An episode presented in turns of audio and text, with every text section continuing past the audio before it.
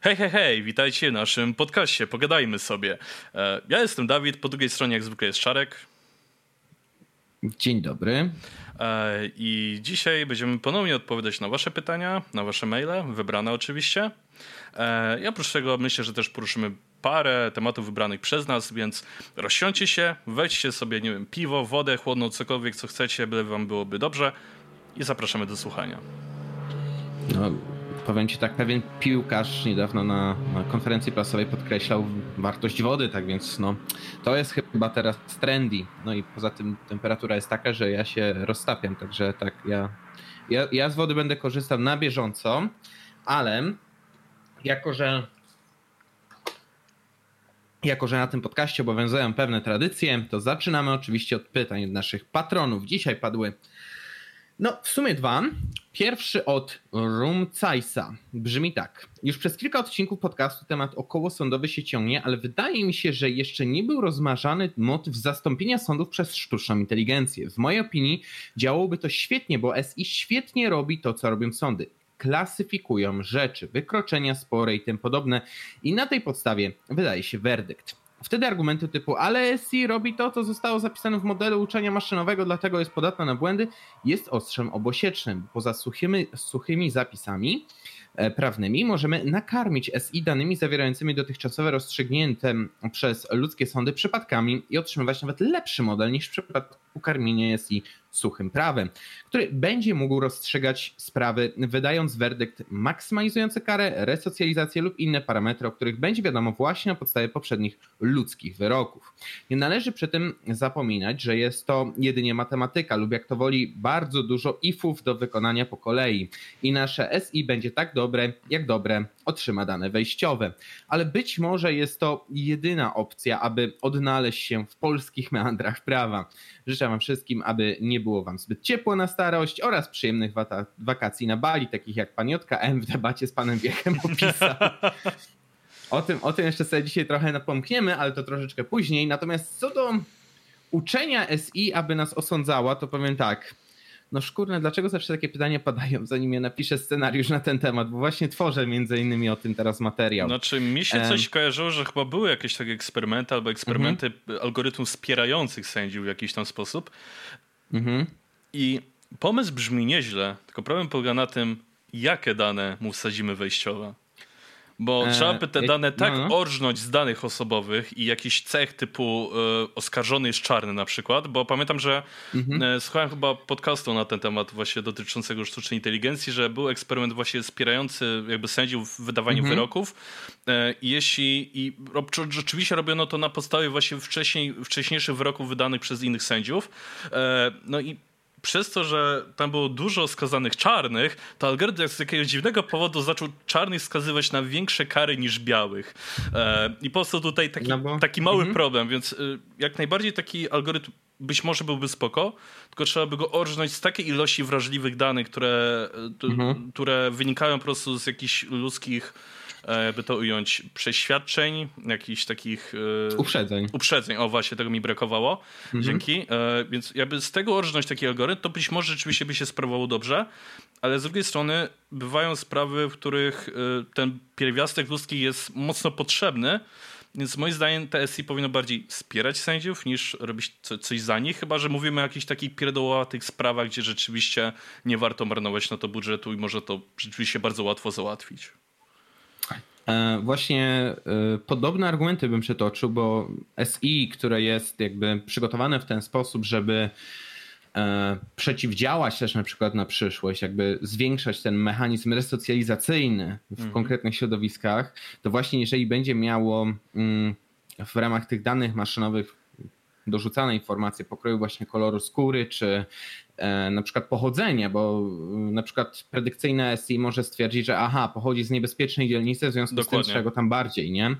Więc tak, jasne, są takie uprzedzenia SI, które, które ciężko wyrugować, ale ja ci powiem więcej. Ja akurat przygotowuję nasz materiał na podstawie mm, takich algorytmów, które nie działają już jako eksperyment, mhm. ale które działają jako, hmm, jakby to ładnie powiedzieć, jako no, coś wdrożonego. I konkretnie tutaj przywołam przykład e, policji z Los Angeles.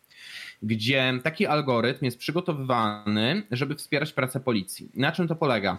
Krótko rzecz ujmując, to jest algorytm, który na bazie danych poprzednich przestępstw jest w stanie przewidywać, w jakich rejonach należy wysyłać patrole policyjne albo dokonywać jakichś tam akcji policyjnych celem minimalizacji ilości e, przestępstw. I teraz tak, mm, w związku z tym sama policja twierdzi, że to jest bardzo przydatne narzędzie, bo oszczędza zasoby. Faktycznie mm, są potwierdzone na danych statystycznych informacje, że to spowodowało zmniejszenie się przestępczości, ale z drugiej strony mm, podkreślają, że to oni wciąż jakby odpowiadają za to, co się stanie, tak? I, i sam algorytm tylko ich wspiera. Tylko pojawiają się też ruchy obywatelskie, które zaznaczają, że tego typu algorytmy są, no, delikatnie rzecz ujmując, no, mogą być uprzedzone i są trochę czarną skrzynką. To znaczy, nigdy nie opublikowano w ramach informacji publicznej tego, jak te algorytmy działają. Nie chcą tego udostępnić ani policja, ani e, władze miejskie, nikt. Tak? W związku z tym jest taki problem, że opracowywanie takiego algorytmu jest mhm. często też tajne. W związku z tym nie dziwię się ruchom obywatelskim, które stwierdzają, no moment, e, będziemy przeciwko tym walczyć, bo nie wiemy, czym to do końca jest. W związku z tym, um, krótko rzecz ujmując, powiedziałbym tak, Algorytmy wydają się ciekawym rozwiązaniem, mogą wspierać, ale korzystanie z nich jako czysto takiego sędziowskiego mechanizmu, gdyby miały one zastąpić sędziów, kto wie, czy one nie byłyby czasami bardziej uprzedzone, ponieważ no, uczenie maszynowe, jak tutaj było zaznaczone, to jest jednak taki proces wielu ifów. W związku z tym algorytm nie będzie uwzględniał, nie wiem, na przykład tego, że dany przypadek może być jakoś mocno skomplikowany, powiązany z jakimiś zjawiskami, których sam może nie rozumieć nawet, tak? Tylko jeżeli on dostanie jakąś informację i jak, jakąś metodę działania, no to on będzie działał w sumie no, w taki sposób, że może na przykład pokrzywdzić kogoś. I teraz pytanie, czy budujemy system sprawiedliwości, w którym jesteśmy gotowi pokrzywdzić niektóre osoby, tylko dlatego, żeby było nam, nie wiem, wygodniej albo żeby mieć taką iluzję obiektywności, bo takie algorytmy, mówię, wielu informatyków, którzy właśnie działają na takich sztucznych inteligencjach, podkreślają, to są czarne skrzynki. Nie do końca wiemy, jak one to ostatecznie przetworzą. W sensie, jeżeli nie doprecyzujemy na przykład elementu algorytmu odpowiadającego za, nie wiem, za karę, czy za mechanizm rehabilitacji y, takiego więźnia, no to algorytm może po jakimś czasie zacząć dochodzić do absurdalnych wręcz wniosków. W związku z tym nie widzę przeciwwskazań, żeby używać tego jako czegoś wspierającego, ale istnieją pewne mm, problemy związane z samą technologią, jak i problemy związane z tym, że ta technologia byłaby w rękach państwowych. I tutaj tak pragnę podkreślić. Ameryka korzysta z takich systemów no już od wczesnych lat 2000. Wdrażali takie powiedzmy parasystemy, tak? I niestety do dzisiaj nie wiadomo dokładnie, jak one działają, na bazie czego.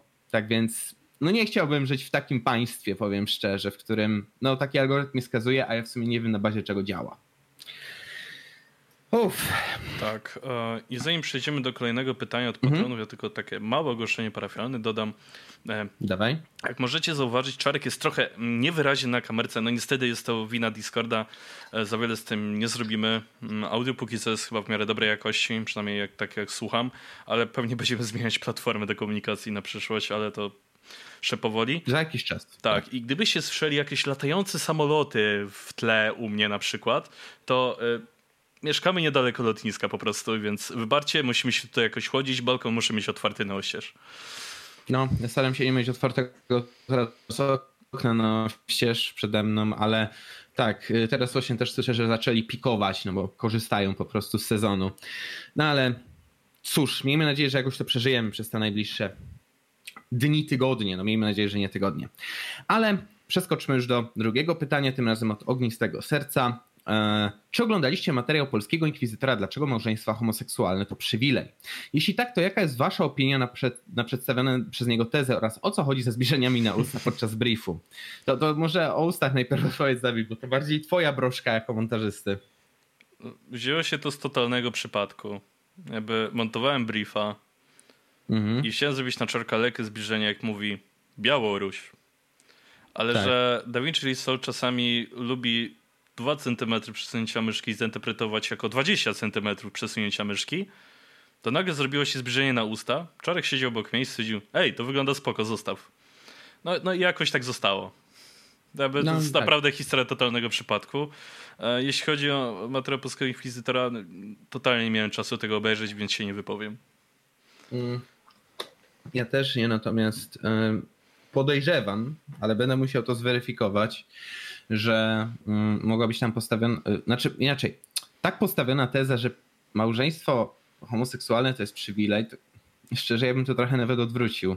Każde małżeństwo to jest przywilej. W sensie żyjemy w systemie prawnym, gdzie małżeństwo daje pewne przywileje. No, dokładnie. E, na przykład. E, Wspólne rozliczanie się podatków.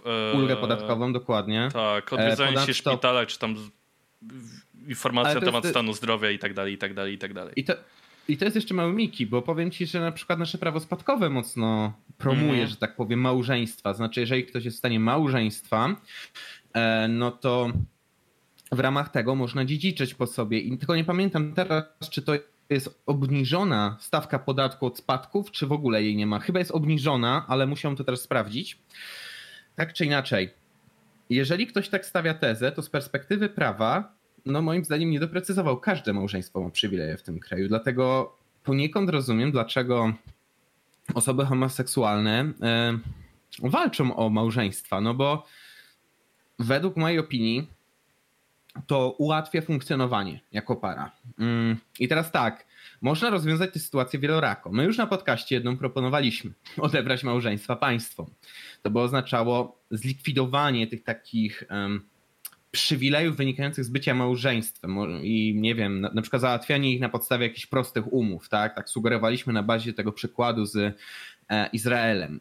Natomiast e, ja nie będę dyskutował na temat tego, czym jest małżeństwo z perspektywy kościelnej czy jakiegoś mm, związku wyznaniowego. To znaczy, jeżeli ktoś chce się związywać zgodnie z jakimś obrządkiem, no to wtedy musi się dostosować pod zasady konkretnego wyznania kościoła. Tak? I tutaj nie ma za bardzo o czym dyskutować. Natomiast mówię, z perspektywy prawa, małżeństwa w Polsce mają przywileje. Deal with it. Okej. Okay.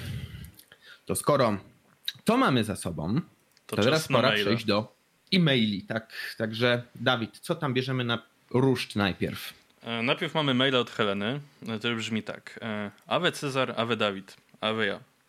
E, mam do Was ja. pytanie. Jak można zreformować opiekę zdrowotną? W tym momencie urządziliśmy w błędnym kole. System nie działa, więc ludzie nie zgadzają się na podwyższenie ponoszonych na ten cel kosztów, a bez pieniędzy nie ma szans na poprawę. Przyszedł mi do głowy pomysł, aby medycynę ambulatoryjną realizować w formie bonów zdrowotnych, na wzór bonu edukacyjnego, na przykład w formie imiennych kart przedpłaconych, działających na podobnej zasadzie co obecne karty MOPS-u, gdzie można kupować usługi określonej kategorii, na przykład tylko żywność i, tak, y, i, i tym podobne, mm -hmm. to tu byłoby to tylko usługi medyczne. Pozwala to skrócić kolejki do lekarzy specjalistów, a skuteczne leczenie pozwala w wielu przypadkach ograniczyć konieczność hospitalizacji. Pozdrawiam. Helena. E, my również pozdrawiamy.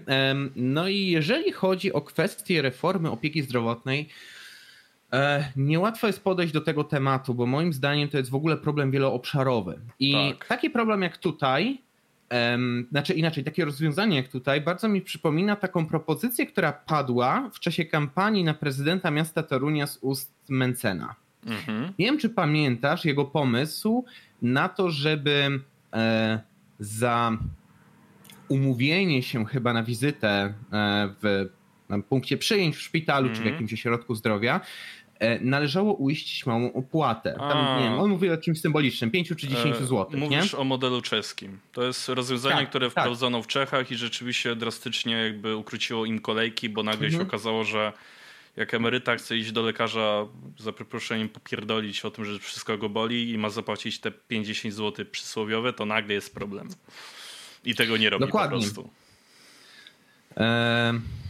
I jeszcze ci powiem, że mm, żeby to, był, żeby to był tylko problem związany z kolejkami u specjalistów, że, że, że tam ludzie siedzą nie wiadomo po co, to tak, to takie rozwiązanie teoretycznie mogłoby pomóc. I szczerze no. powiedziawszy, no To znaczy, jest to tak naprawdę rozwiązanie innego z wielu problemów, bo na przykład ja 10 mhm. lat temu, jak z tym moim kolanem nieszczęsnym trafiłem do szpitala, to najpierw trafiłem do szpitala wojewódzkiego w Płocku, gdzie mi zrobiono tomografię kolana, żeby zobaczyć, mhm. co tam się dzieje. Oczywiście stawiono mi pierwszą lepszą diagnozę, byleby mnie odesłać do szpitala w Warszawie, gdzie miałem 120 km, a nie 30 tak jak do mhm. Płocka. E, I uwaga, teraz dlaczego mnie odesłano do Warszawy? E, po pierwsze, lekarze nie wiedzieli, co się ze mną stało, ale to jest pół biedy, bo można zrobić artroskopię, czyli zajrzeć po prostu do stawu chirurgicznie i tam zobaczyć, co się dzieje.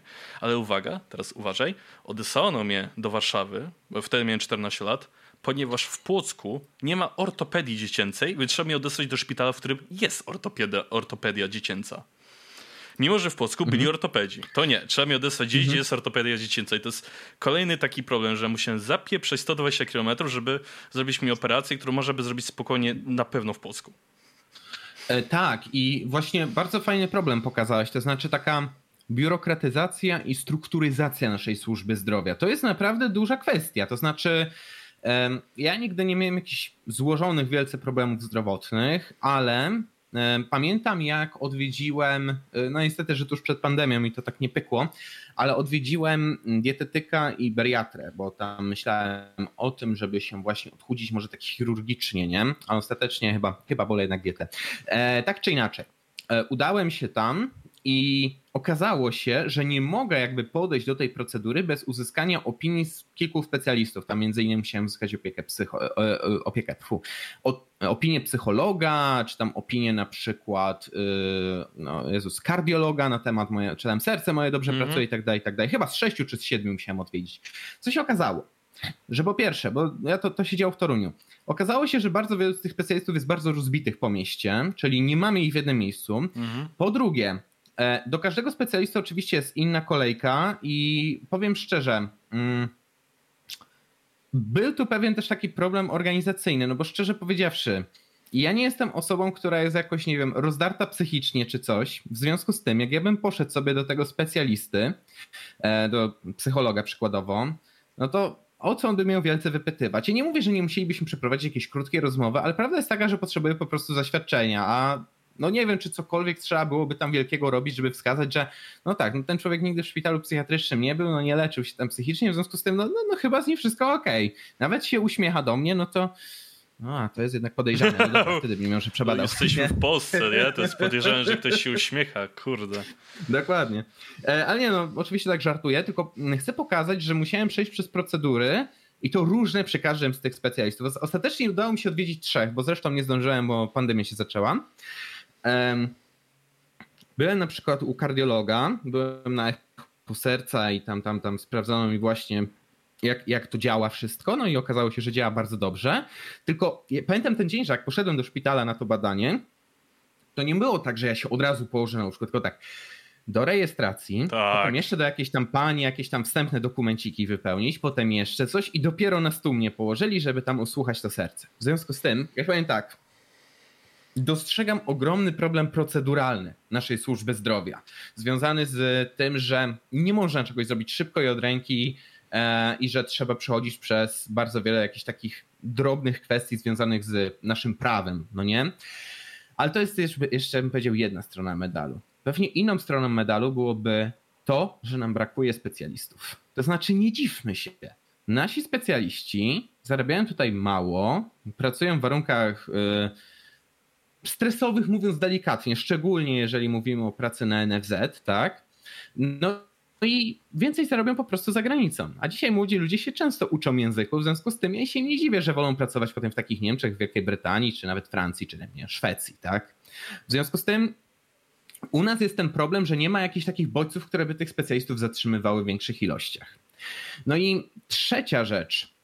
Moim zdaniem wydatki na służbę zdrowia też by trzeba przeanalizować pod kątem ich efektywności wydatkowej. To znaczy, ja już o tym opowiadałem przy okazji. E, o Jezus Maria, myśmy podejmowali też taki temat, gdzie mówiłem o tym, że nie liczy się to, ile wydamy, tylko jak wydamy. Chyba akurat rozmawialiśmy też o służbie zdrowia tak. przy okazji Nowego Ładu, prawda? Mhm. I podkreślałem wtedy, że tu nie chodzi o to, żeby dawać więcej, więcej, więcej, bo pamiętajmy, po pierwsze, jeśli zmienimy proporcje, to znaczy, że z czegoś trzeba zabrać. Pytanie z czego? A po drugie, musimy przeanalizować najpierw, w jaki sposób w tej chwili idą pieniądze. I być może z tego dałoby się też coś tam uszczknąć, albo odchudzić, albo pozbawić się pewnych elementów tego łańcucha, które nie są zbyt potrzebne. Tylko. Na przykład 500. Znowu. Plus. Ale mi chodzi, wiesz, o służbę zdrowia samą w sobie, wiesz. I... Nie, mówię, że pozbyć się pewnych łańcuchów, wiesz, z, z innych obszarów budżetu. A, nie? że też, też, to, to nie mówię, że nie można by, jasne, tylko problem jest taki, czy wierzymy, że nasze państwo zrobiłoby to rzetelnie, z pomyśleniem o dobru pacjenta, lekarza, a nie o kolejnych wygranych wyborach? No w to bardzo wątpię. W związku z tym powiem tak, rozwiązanie zaproponowane w mailu, nie mówię, że coś tam by nie może, może by nam pomogło, ale rozwiązałoby problemy bardzo wątpię. Bo rozmowa na temat służby zdrowia nie dość, że jest bardzo złożona, to jeszcze i do zakład, że jakby się nam tutaj pojawiły teraz osoby, które właśnie przechodziły jakieś długotrwałe leczenia, właśnie kontaktowały się ze specjalistami, to opowiedziałyby nam swoje skomplikowane, czy często nawet bardzo absurdalne historie. No i nie dziwiłbym się, że ci ludzie byliby tym sfrustrowani i nie dziwiłbym się, że mieliby autentycznie jakieś pomysły na temat tego, co poprawić lub co zmienić. Ja takowych nie mam za wiele, ze względu na to, że ja nigdy nie byłem jakoś tam w szpitalach mocno leczony. Ja co najwyżej sobie nogę skręciłem, ale no tam to tylko prześwietlenie, owinęli mi ją bandażem, no i po paru dniach tam się dochodziło do siebie. No taka prawda. No tak, no jeszcze dużym problemem związanym ze służbą zdrowia, który na pewno będzie się pogłębiał, bo wskazują na to już statystyki, będzie mhm. to, że no, będziemy mieli w przyszłości społeczeństwo już, które będzie można określić jako dominująco stare, czyli osoby powyżej 50, 50 roku życia mhm. chyba za jakieś 10-20 lat chyba już będzie jakby dominująca część społeczeństwa, czyli ta starsza niż młodsza. E, a nie szukujmy się, starsze osoby częściej trafiają do szpitala. Część osób idzie do szpitala, bo nikt się nimi nie opiekuje. Oni czasami do z błahych powodów tylko po to, żeby ktoś się nimi zajął, żeby mieli tego kolegę obok w łóżku, z którym mogą pogadać. E, mhm. no, częściej starsze osoby no, chorują na zawały serca, na udary i innego tego typu rzeczy. E, ja na przykład jak po, po jednym z moich zabiegów na kolano miałem wrócić do siebie i mieć tam odbytą rehabilitację. I mój i lekarz, mój ortopeda, który mnie operował, podszedł do mnie i spytał, rozumiem, że była pan już załatwiony rehabilitację, już wszystko jest ok. Ja mówię, mhm. nie proszę pana, nie mam. A dlaczego? Czemu pan tego nie zrobił? Mówię, zrobiłem, mam za trzy miesiące. A jak za trzy mhm. miesiące? Za trzy miesiące. Wszystkie ośrodki rehabilitacyjne NFZ są zapchane. Mhm. E, I lekarz mnie na tydzień zgarnął do, na ośrodek, który był przy szpitalu w Warszawie właśnie i tam miałem przez tydzień rehabilitację. No na szczęście dzięki temu, że mam w rodzinie osoby, które pracują jakby w służbie zdrowia, to udało mi się na tą rehabilitację tak wepchnąć szybko.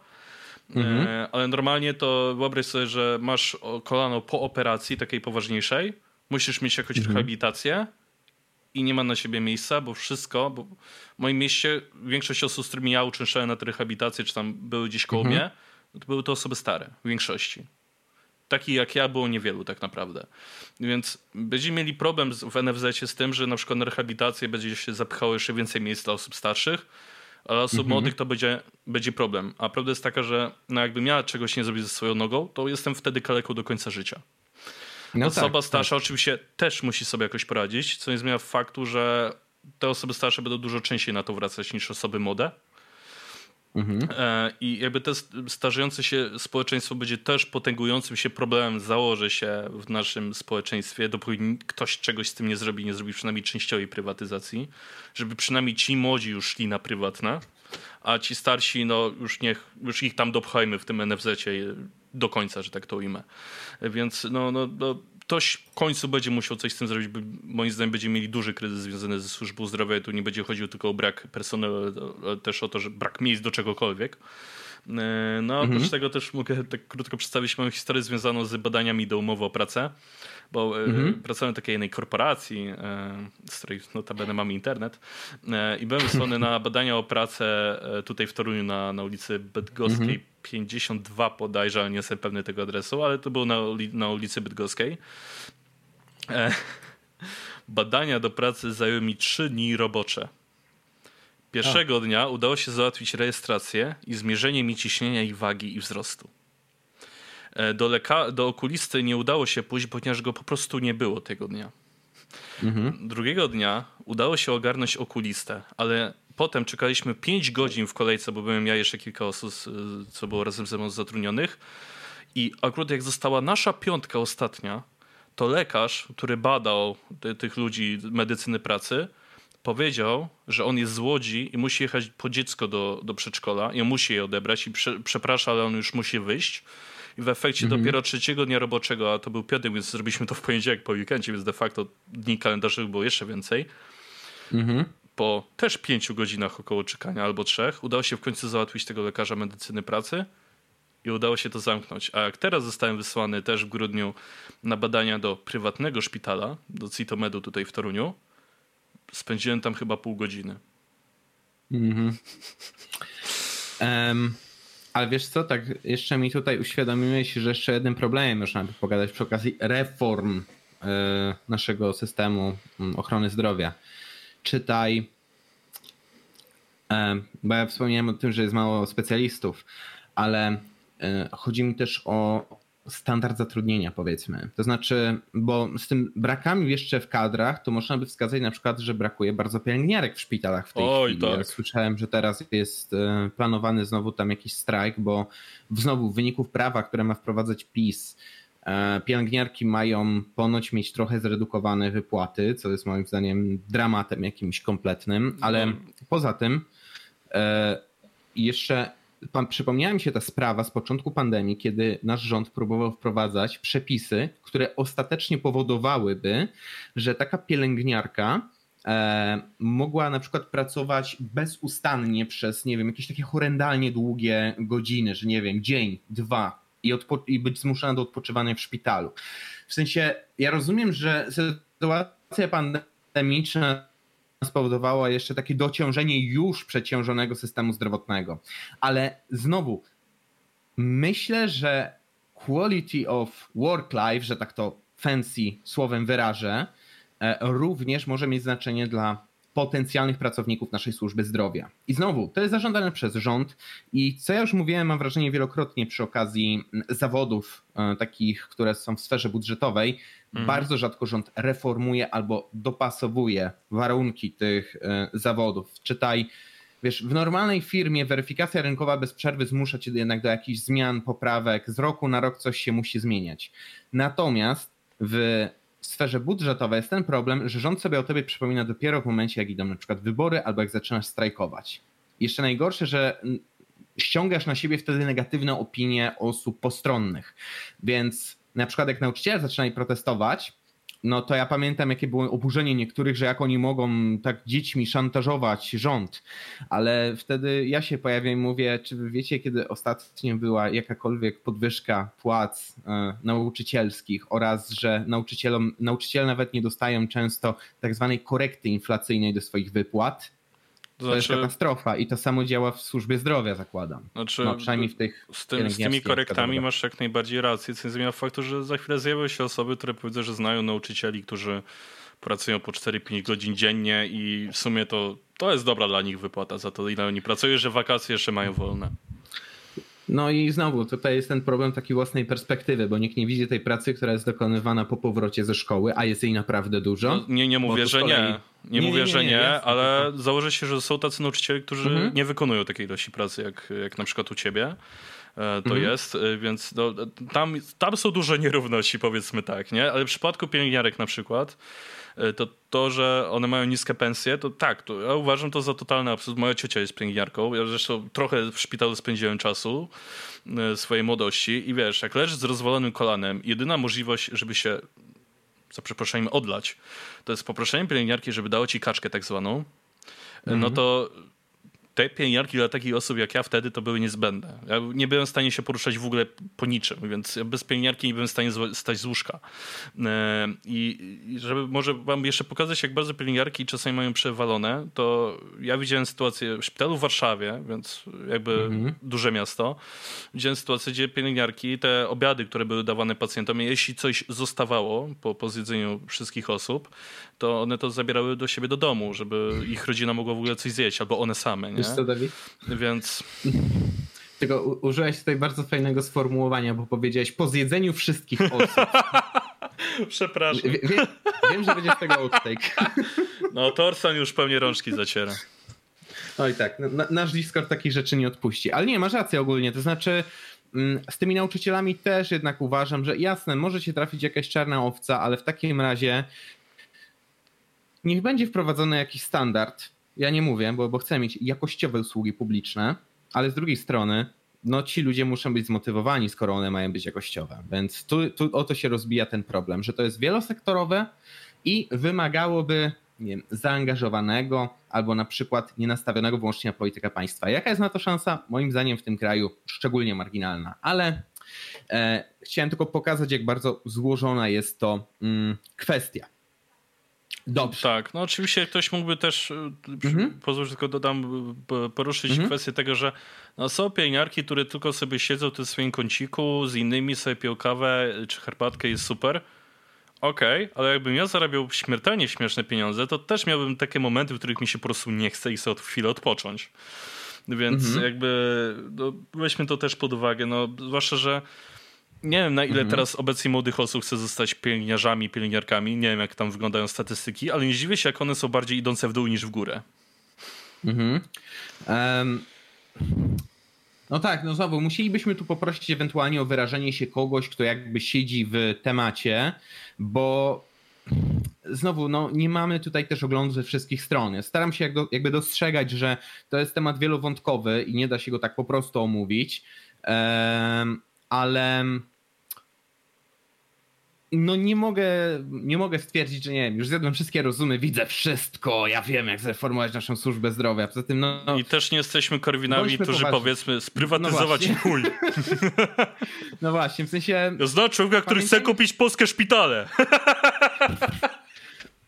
Pamiętajmy jednak, że żyjemy w warunkach, jakich żyjemy. E, rewolucji nie da się tutaj dokonać i trzeba działać no, w stanie zastanym. W związku z tym nie spodziewajmy się, że tak naprawdę jakikolwiek polityk miałby tutaj e, rozwiązanie e, takie na wszystko, że za dotknięciem różdżki dodam pieniędzy i będzie już wspaniale e, powsze czasy, tak?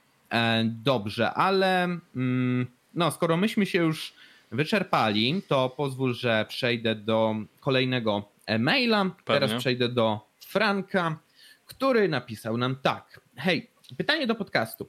Czy eee, rozwiązanie na ostateczne się. wprowadzenie... Nie powiem być najpierw mail od Patryka? Nie, bo to tylko wyjaśnienia. A, okej, okay, e, hej, dobra. Pytanie do podcastu.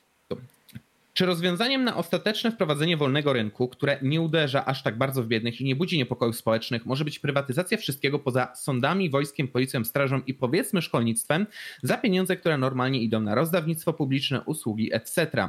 Wprowadzić dochód podstawowy dla wszystkich, który ostatecznie zeżarłaby inflację, co jednocześnie nie wzbudziłoby dużych kontrowersji w społeczeństwie i dało szansę ludziom poznajdować pracę w e, wraz z coraz niższą wartością nabywczą pieniądza. Pozdrawiam. Więc tak, takie wprowadzenie wolnego rynku i tak moim zdaniem byłoby szokowe, bo problemem jest tutaj tak. przyzwyczajenie ludzi do pewnych rzeczy. E, jeżeli odebralibyśmy nagle wszystkie świadczenia socjalne, to byliby tacy ludzie, którzy są od nich uzależnieni od lat i oni nie umieliby tak po prostu przeskoczyć do jakiejś roboty. Mm.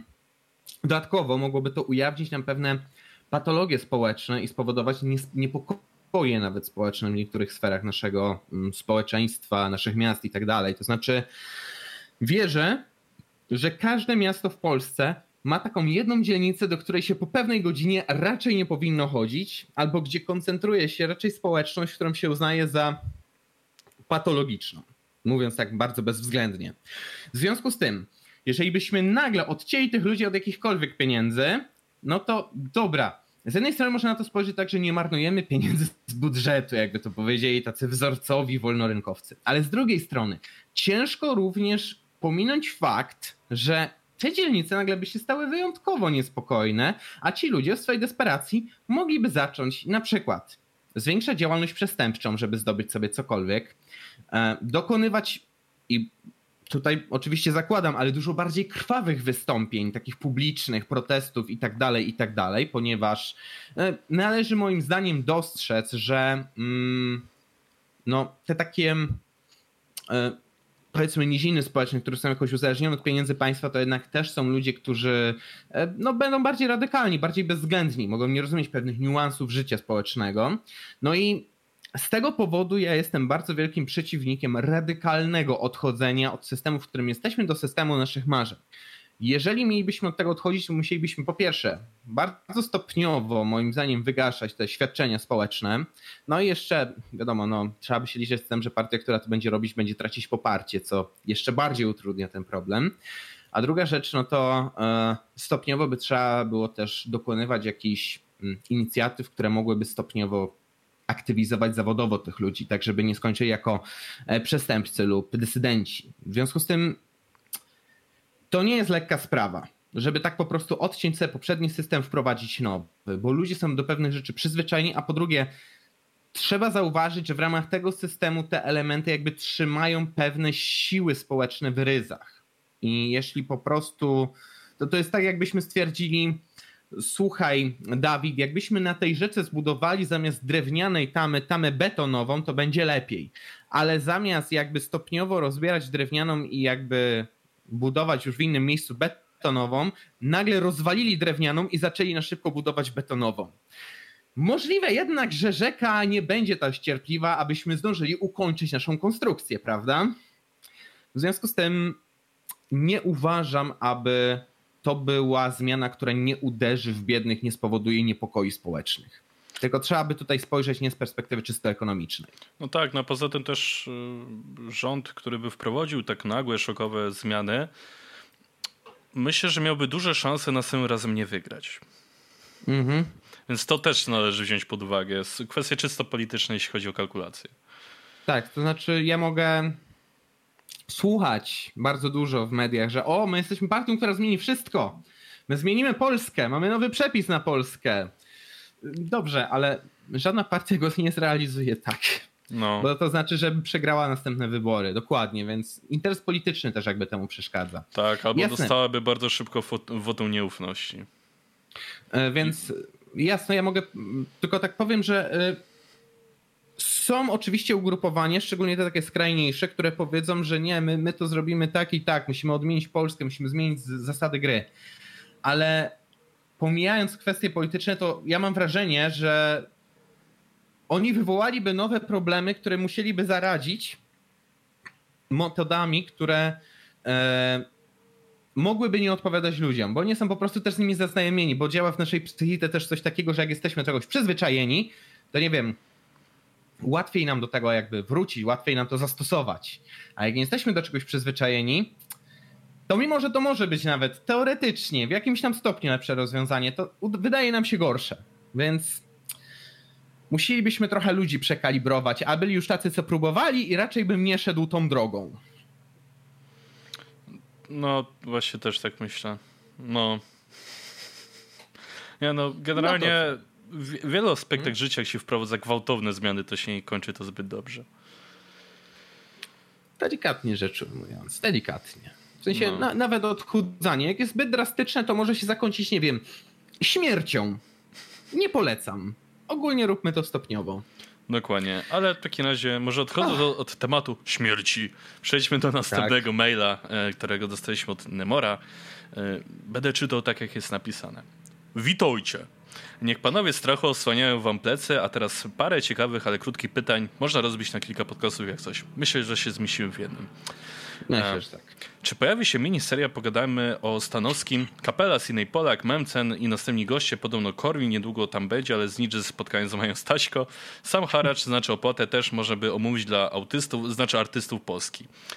E, Dobra, to... Bo powiem tak, jeśli chodzi o Sineja Polaka i Jasia Kapelę, tam nie ma co omawiać. No, przyszło dwóch jełopów do programu. Jakby to, to, to dosłownie mhm. można tym podsumować. Jakby tam, Trochę tak. To, Trochę tak. Co mamy tam omawiać? Że, że to, to jest banda imbecylów? Która jakby nie łączy jednego z drugim i, i prawi farmazon. Naprawdę, no. Znaczy, bo wiesz, przy Mencenie jeszcze było co omawiać, ale przy kapeli Sydney Polaka to może co najwyżej się pośmiać.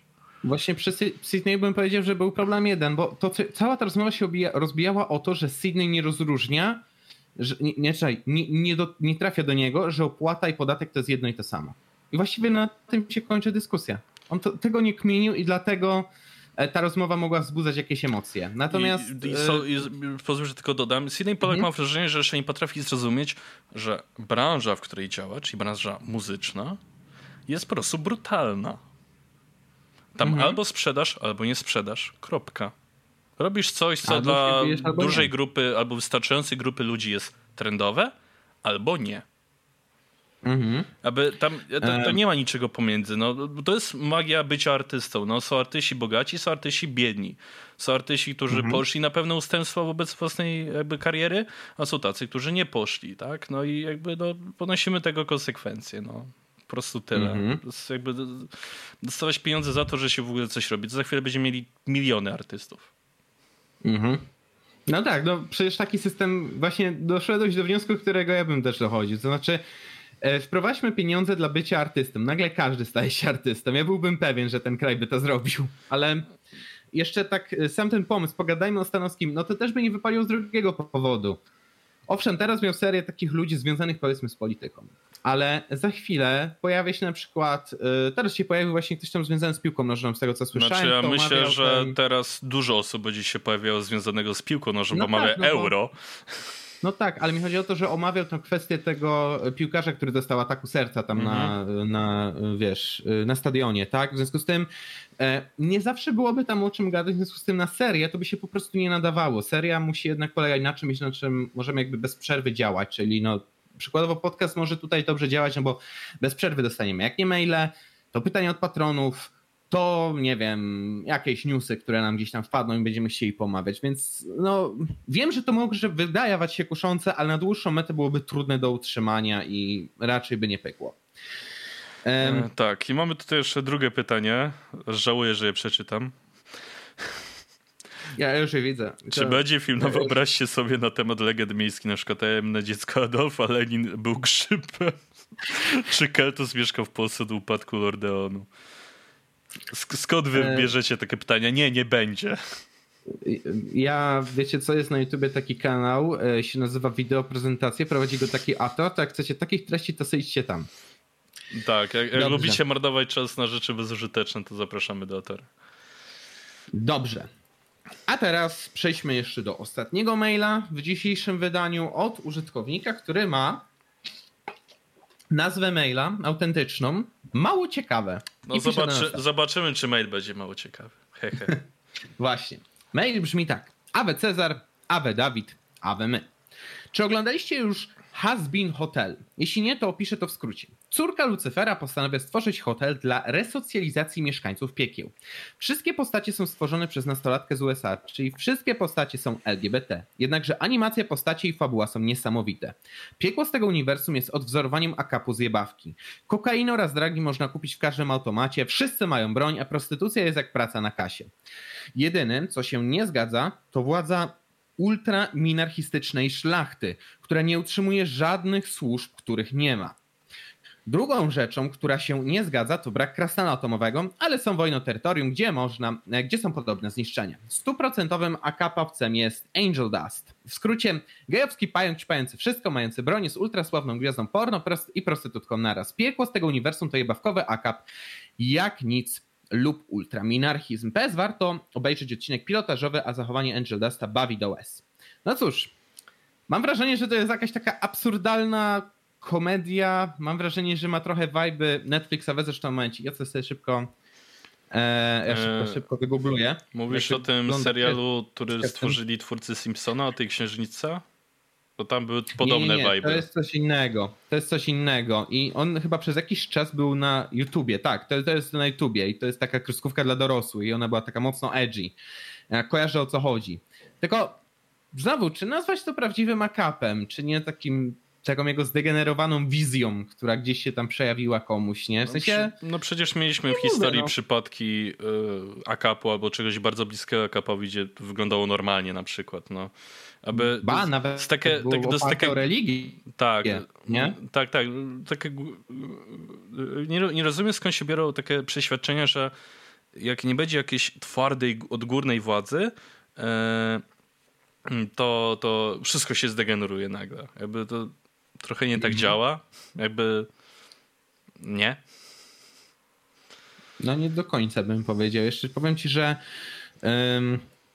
ja sobie myślałem, żeby sobie zerknąć właśnie no na Nie tak, że wszystkie kobiety e, czekają, żeby zostać ale... prostytutkami, tylko ten zły rząd im nie pozwala. Jakby prostytucja nie. w Polsce jest legalna. Znaczy legalna na tej zasadzie, że nie da się za to wsadzić do więzienia, z tego co mi wiadomo. Albo praca na przykład na kamerkę, czyli taka prostytucja online.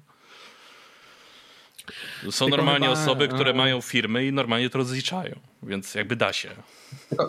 Aha, no ja akurat o tym nie mam za dużej wiedzy. E, była taka jedna dziewczyna, Natomiast która była w podcaście że... Gąciarza i ona normalnie rozlicza pracę mhm. na tak zwanych kamerkach, Aha. E, na, na, na okay, firmę, okay. jakby wszystko tam jest legalnie, nie? Okej. Okay. Natomiast ja bym tutaj chciał zaznaczyć, że mm, jak rozmawiamy na takim skrajnym przykładzie, to moment, dlaczego nie możemy opisać tego serialu jako przykładu, mm, nie wiem, wszystkie zagarne, nie wiem, systemu libertystycznego, bo bardziej libertynizm mi to przypomina, mhm. stworzony mm. we Francji gdzieś tam w XVIII wieku, z tego co pamiętam. To bardziej ta wizja, taka pełna rozwiązłość i tak dalej. Poza tym nadal parodiowe pokazanie piekła, porównywanie tego do jednak systemu politycznego, który owszem może działać mniej lub lepiej lub gorzej, ale tak skrajną wizję porównać do systemu politycznego można się bawić w taką, nie wiem, ciekawostkawkę powiedzmy, jako jakieś takie wyzwanie intelektualne, znaczy, ale raczej to, to brzmi, nie traktowałem tego zbyt poważnie. Znaczy, to brzmi jak coś na zasadzie udowodnię, że AKAP nie działa, kupię sobie prywatną wyspę, czy wybuduję cokolwiek yy, i wrzucę tam tylko i wyłącznie byłych przestępców. No ciekawe, jak będą się zachowywać, nie? To, to, to, to ten case, nie? No tak, także powiem tak. Nie jest to z pewnością mało ciekawe, ale raczej mało realne. Więc rozważyłbym tutaj może zmianę nazwy maila. Ja no oczywiście żartuję. E, tylko mówię, no na takich skrajnych przypadkach to raczej możemy śmieszkować, a nie za bardzo rozmawiać na jakieś takie ciekawe kwestie, chyba że dostrzeglibyśmy tutaj coś głębszego, tak? Tak czy inaczej, to by było wszystko, jeżeli chodzi o nasze maile. W związku z tym wracamy do tego, do czego misiaki lubią, jak wracamy najbardziej. Nie, mam wrażenie, że spieprzyłem to zdanie gdzieś tam w pół jego trwania. Dawidzie, co cię ostatnio zaintrygowało, o czym chciałbyś porozmawiać? Co się dzieje dookoła nas? Może ostatnio to złe słowo, bo wygrzebałem to, co będę chciał dzisiaj przedstawić już jakiś miesiąc temu, ale jest to temat, który jest na tyle jakby nieosadzony w czasie, w konkretnym miejscu, że można o nim pogadać na teraz. E, I tak, rzecz, o której chciałem pogadać, to jest trend, który zaczyna się coraz bardziej upowszechniać. Mhm. Dużo wskazuje na to, że stanie się powszechny no, nie tylko w Polsce, ale generalnie i na świecie. E, oczywiście mhm. jest to trend, który trochę zapoczątkował Netflix. E, okay. Mianowicie tworzenie się mediów na abonament. O, to jest dobre słowo. Okay. Mianowicie o co chodzi? uh, Generalnie mamy już część mediów, która już jest za tak zwanym paywallem. Takim przykładem w Polsce mhm. jest na przykład Gazeta Wyborcza. Ona chyba parę lat temu zaczęła takie działania i rzeczywiście w jakiś sposób jej się udało, bo obecnie nie wiem, jakie kto płaci abonament, bo ile razy jestem na wyborczy, to widzę różne ceny, e, ale mhm. przypuśćmy, że nie wiem, jest cena abonamentu 5 zł miesięcznie, czysto hipotetycznie, że każdy taką płaci. E, I z tego, co mi wiadomo, na chwilę obecną subskrybentów Gazety Wyborczej jest około ćwierć miliona. Czyli mnożąc mhm. razy 5, no przychody mają całkiem niezłe mogą się z tego utrzymać. E, I powoli widzę, że powoli inne media zaczynają również iść w tym kierunku, żeby być za paywallem. I jakie są powody tego, które przedstawiają te media, żeby za tym paywallem być? Oczywiście takimi powodami, które się przedstawia jest to, że można dzięki temu tworzyć bardziej wartościowe treści, e, które nie są skrojone pod kliknięcia. Bo dlaczego mhm. wcześniej były pod kliknięcia? Im więcej kliknięć, tym więcej wejść użytkowników. Im więcej użytkowników, tym więcej wyświetli się reklam. E, a AdSense płaci e, serwisom różnego typu, e, między innymi za samo wyświetlenie danej reklamy. Oczywiście jak ktoś się kliknie, to się dostaje 6 więcej, bo Google, Google, bo to głównie Google emituje, ale nie tylko, się mhm. po prostu tymi treściami dzieli. Oczywiście są też inne kanały e, jakby monetyzacji powierzchni reklamowych, między innymi sieci natywne, e, które też działają dosyć fajnie i nawet tych pieniędzy chyba wpada trochę więcej niż z Google'a, bo to się już stala bezpośrednio z wydawcami. Mhm. Ale generalnie część mediów już trochę skłania się w tym kierunku, żeby być za paywallem, żeby móc tworzyć bardziej wartościowe treści i żeby przede wszystkim mieć na te treści również budżety. Wyborcza mhm. musiała trochę iść w tym kierunku, no bo wiadomo, zmieniała się władza, PO już nie mogło tak finansować wyborcze, jak mogło wcześniej, bo nie wiem, czy wiesz, mnóstwo różnego rodzaju instytucji, e, chyba między innymi uczelnie, e, mhm. miało wykupione z góry prenumeraty Gazety Wyborczej, więc w efekcie wyborcze to miała hajs, który było wiadomo, że przyjdzie, bo państwo zapłaci. A przyszło PiS i, i, i, nagle zaczął się problem, nie? Więc, e, więc, mhm. więc wyborcza musiała też sobie jakieś e, sposoby znaleźć. E, takim medium, które już się ogłasza, że będzie za paywallem, jest radio, którego lubię słuchać, generalnie grupa medialna Nuance Media. E, oni mhm. mają swój portal, gdzie piszą różnego rodzaju artykuły, mają właśnie radio, e, Nuance Radio, e, jak i też kanał na YouTube, gdzie też rzucają treści wideo różnego rodzaju. I Nuance Radio chce generalnie stworzyć coś, co się nazywa Nuance Club. Już jakieś takie mhm. pierwsze informacje o tym pojawiały się w marcu, bo ogłosili to na swoim Discordzie i też dyskutowali ze swoją społecznością, którą na Discordzie zbierają, w jaki sposób chcieliby widzieć płatne media w ich formie, czyli co chcieliby otrzymać, ile chcieliby za to płacić. E, oprócz tego osoby, które wchodziły na stronę Nuansa też dostawały ankietę, E, z informacją właśnie, jakie treści chciałbyś otrzymywać w ramach płacenia za abonament, jaki, jaka cena byłaby dla ciebie za wysoka, jaka podejrzanie niska e, i tak dalej, i tak dalej. Po prostu mocno badali rynek, żeby to, co będą chcieli zrobić jako Nuance Club, e, było dobrze do, do, dopasowane do, do profilu użytkownika. Mhm. I to, co oni chcą zrobić w ramach właśnie Nuance Club to tak, no, płodne treści pisane zarówno sportowe, jak i, e, jak i na temat lifestyle'u, e, muzyki i nie tylko. Oprócz tego płodne treści wideo, jak i też jakieś dodatkowe rzeczy, których już w tej chwili nie pamiętam, bo niestety nie mam tego nigdzie wypisanego. Ale generalnie Nuance już się zapowiada, że gdzieś mniej więcej od września, października E, będzie za paywallem, czyli rzeczy oczywiście nadal będzie darmowe, tak jak jakieś takie najważniejsze newsy, krótkie, albo generalnie po prostu radio, które leci na żywo, ale część treści mhm. już będzie ukryta za paywallem e, i, i będą oni chcieli dostarczać treści ekskluzywnych w pewien sposób. E, oprócz samego Nuance'a, platformą, która też chce stać się częściowo płatna, czyli też być za takim częściowym paywallem, jest uwaga, Twitter.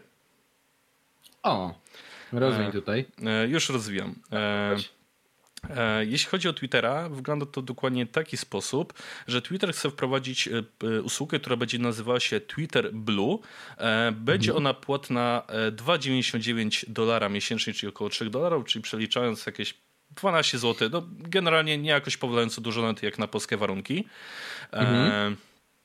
I Twitter chce w ten sposób też zachęcić swoich użytkowników do rozszerzonych po prostu treści. E, oczywiście za paywallem i co w ramach e, tego, tego Twittera Blue będziemy e, otrzymywać. E, marka chce umożliwić właśnie korzystanie z zupełnie nowych udogodnień, udogodnień za tą kwotę, takich jak e, będą dostępne e, treści właśnie w wersji Blue. mówi się o korzystaniu z kolekcji zakładek i zapisywaniu tweetów na później. Dodatkowo subskrybenci będą mogli oczywiście prawdopodobnie używać opcji unsend do kilku sekund po zatwierdzeniu posta, ale są to nieoficjalne informacje na chwilę obecną. E, mhm. I to jest taki ruch ze strony Twittera, żeby dać pewne udogodnienia, które będą dostępne tylko za paywallem. E, I nie zdziwię się, jak też media społecznościowe generalnie będą dążyć do tego, e, żeby mieć pewne treści tylko za paywallem i też na tym zarabiać. Na przykład z tego, co pamiętam, Facebook nie wiem, czy nie testuje tego na chwilę obecną tylko w Ameryce, mhm. ale pa pamiętam, że już było o tym wspominane, płatne grupy na Facebooku. Czyli masz grupę na fejsie, którą tworzysz i żeby ktoś mógł mhm. dołączyć do tej grupy, to musi opłacać abonament. I oczywiście część środków trafia do Facebooka, a z częścią Facebook się z tobą dzieli jako właścicielem grupy, który tworzy tam content. Więc generalnie social media też już idą powoli w tym kierunku, żeby być za paywallem, ale takim paywallem takim, gdzie trochę się dzielą z użytkownikami. Trochę jak YouTube, który się dzieli e, środkami z reklam, albo jak masz YouTube Premium, to, to jakby ten, ten kawałek tego abonamentu też trafia do ciebie, nie? tak teraz to coś pomyślałem. To teraz powinna, jeżeli by to wprowadzili faktycznie, to powinna powstać nowa sekcja jej bawki. Wiesz, jakby się nazywała? Sekcja premium. Nie. Yy, sekcja agencji ochrony. Sekcja jej bawki. E, jest sekcja, która nazywa się sekcja PAO, tylko ona służy do tego, żeby zgłaszać konta, które robią jakieś złe rzeczy. A. Na przykład, nie no ale... nęka ci jakieś konto, to ty piszesz, dajesz dowody, które masz na to, że te konto cię nęka i wtedy inni jakby w ramach e, takiej samodzielnej, e, dobrowolnej pomocy mhm zgłaszają również te dane na przykład konto, nie? E, albo chcesz kogoś przez czym ostrzec. Ale ja wiem, co, co miałeś na myśli. E, mhm. Ale no, jak, jak, widać, już powoli coś idzie w tym kierunku. E, I myślę, że takich aplikacji płatnych będzie się powoli pojawiało pewnie coraz więcej. Mhm. I teraz pytanie, co złego może się jakby wydarzyć, gdy się to wydarzy. Moim zdaniem, choć już z tobą trochę na ten temat rozmawiałem, może dojść do tego, że mhm. będą się tworzyć jeszcze większe bańki informacyjne niż się tworzą w chwili obecnej. Mhm. Bo mogą być osoby, które powiedzą, e, no to ja się płacę za tą treść, na inne mnie nie stać, do innych nie mam aż takiego dostępu, więc jakby te osoby mogą się w ramach danej jakby sytuacji radykalizować. Oczywiście w przypadku na przykład takiego Nuance Media wątpię, że miało to miejsce, bo tam są głównie newsy o, o tym, co się dzieje w świecie muzyki, głównie rapu, jakieś rzeczy lifestyle'owe, sportowe, mhm. więc no, no, no, no, no, tam raczej takiej radykalizacji nie będzie i tam te płatne media mogą mieć jakiś sens, nie? E, ale na przykład takiej, w przypadku na przykład takiej gazety wyborczej albo generalnie tygodników różnego rodzaju, czy generalnie gazet, które piszą o polityce, to tam o taką bańkę może być bardzo łatwo.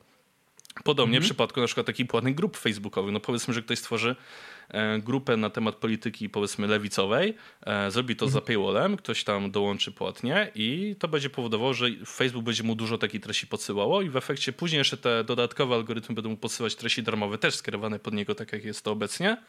I w efekcie mamy jeszcze większe zamknięcie na, na, na bańki informacyjne.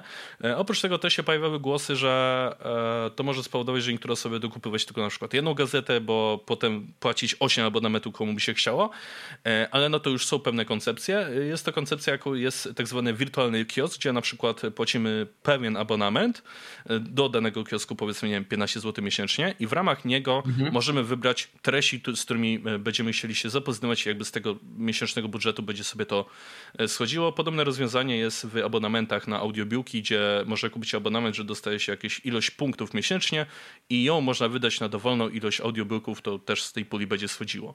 E, I powiedz Czarku, co generalnie myślisz o, o pomyśle, że, że media coraz bardziej powoli będą szły w kierunku takiego Netflixa, żeby być za paywallem, jeśli chodzi o pewne treści? Hmm, znaczy się powiem tak. Um, przede wszystkim zakładam, że nie stanie się to czymś na zasadzie ze skrajności w skrajność. Mhm. Wierzę, że wciąż pozostaną media otwarte i media zamknięte. I wierzę, że te media zamknięte będą musiały dać nam jakąś inną wartość niż dostępność wszystkiego. To znaczy, przykładowo, mamy jakiś portal informacyjny, załóżmy, nie wiem, no weźmy sobie na tapetę jakiś taki przykład, nie wiem, mamy New York Timesa, tak? New York mhm. Times dostarcza to raczej. Mm, jeszcze, czy oni teraz paywalla właśnie wprowadzili? Czekaj, bo.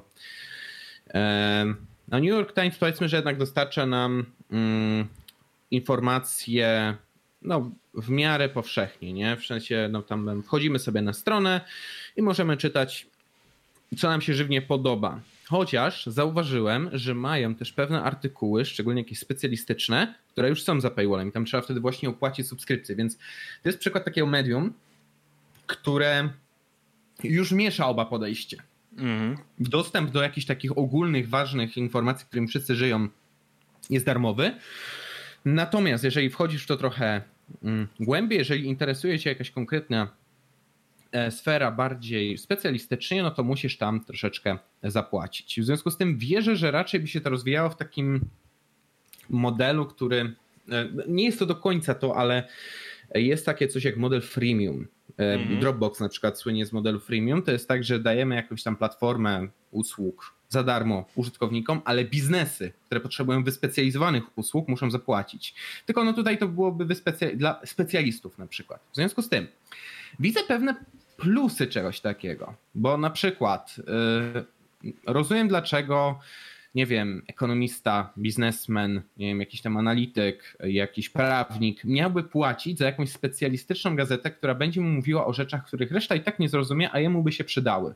Więc nie wiem, prawnik na przykład subskrybowałby, dajmy na to jakąś tam gazetę, która będzie pisała o jakichś ciekawych case'ach prawnych, zmianach prawnych, przez co mm, za drobną opłatę miałby po prostu zmniejszenie obciążenia, które mhm. idzie z jego pracą, z jego obowiązkami. Ale mówię, żeby wprowadzić system taki premium, system taki za opłatą, musimy dać inną wartość niż ta ilość. I tą wartością musi być jakość. W no związku tak, z tym. Takie jest założenie właśnie tych modeli, nie? Mhm. że dostaniecie bardziej jakościowy kontent, na którym ktoś długo pracował, który w przypadku y, zarabiania na reklamach jakby się po prostu nie kliknął, bo nie ma clickbaitu, y, albo temat jest właśnie taki bardziej złożony, nie powiedzmy treści, które daje Outriders. To to jest naprawdę dziennikarstwo mhm. bardzo wysokiej próby, I to są treści, które bym całkowicie rozumiał za paywallem, bo tam naprawdę ludzie jadą do innych krajów, czasami krajów, gdzie jest wojna, tak jak Ukraina, Donbas, e, i, i szykują naprawdę treści, które dogłębnie pokazują, co tam się dzieje e, i, mhm. i od, od, wielu na przykład różnych stron, nie? Mhm. Ja też myślę, że w wielu przypadkach będzie to taki model freemium, gdzie nadal będą takie, powiedzmy, artykuły bardziej na czasie albo bardziej clickbaitowe, na których będziemy zarabiali sposób E, standardowy jak teraz, e, ale myślę, że ta, ten model paywallowy, myślę, że on będzie się mimo wszystko pogłębiał w wielu mediach, bo wielu mediów, mediów będzie widziało po prostu w tym sens, że ok, to dajemy tym naszym dziennikarzom wykażać się porządnymi materiałami dziennikarskimi, ale mhm. zróbmy model, który pozwoli nam na tym mimo wszystko zarabiać, nie? Tak, tak.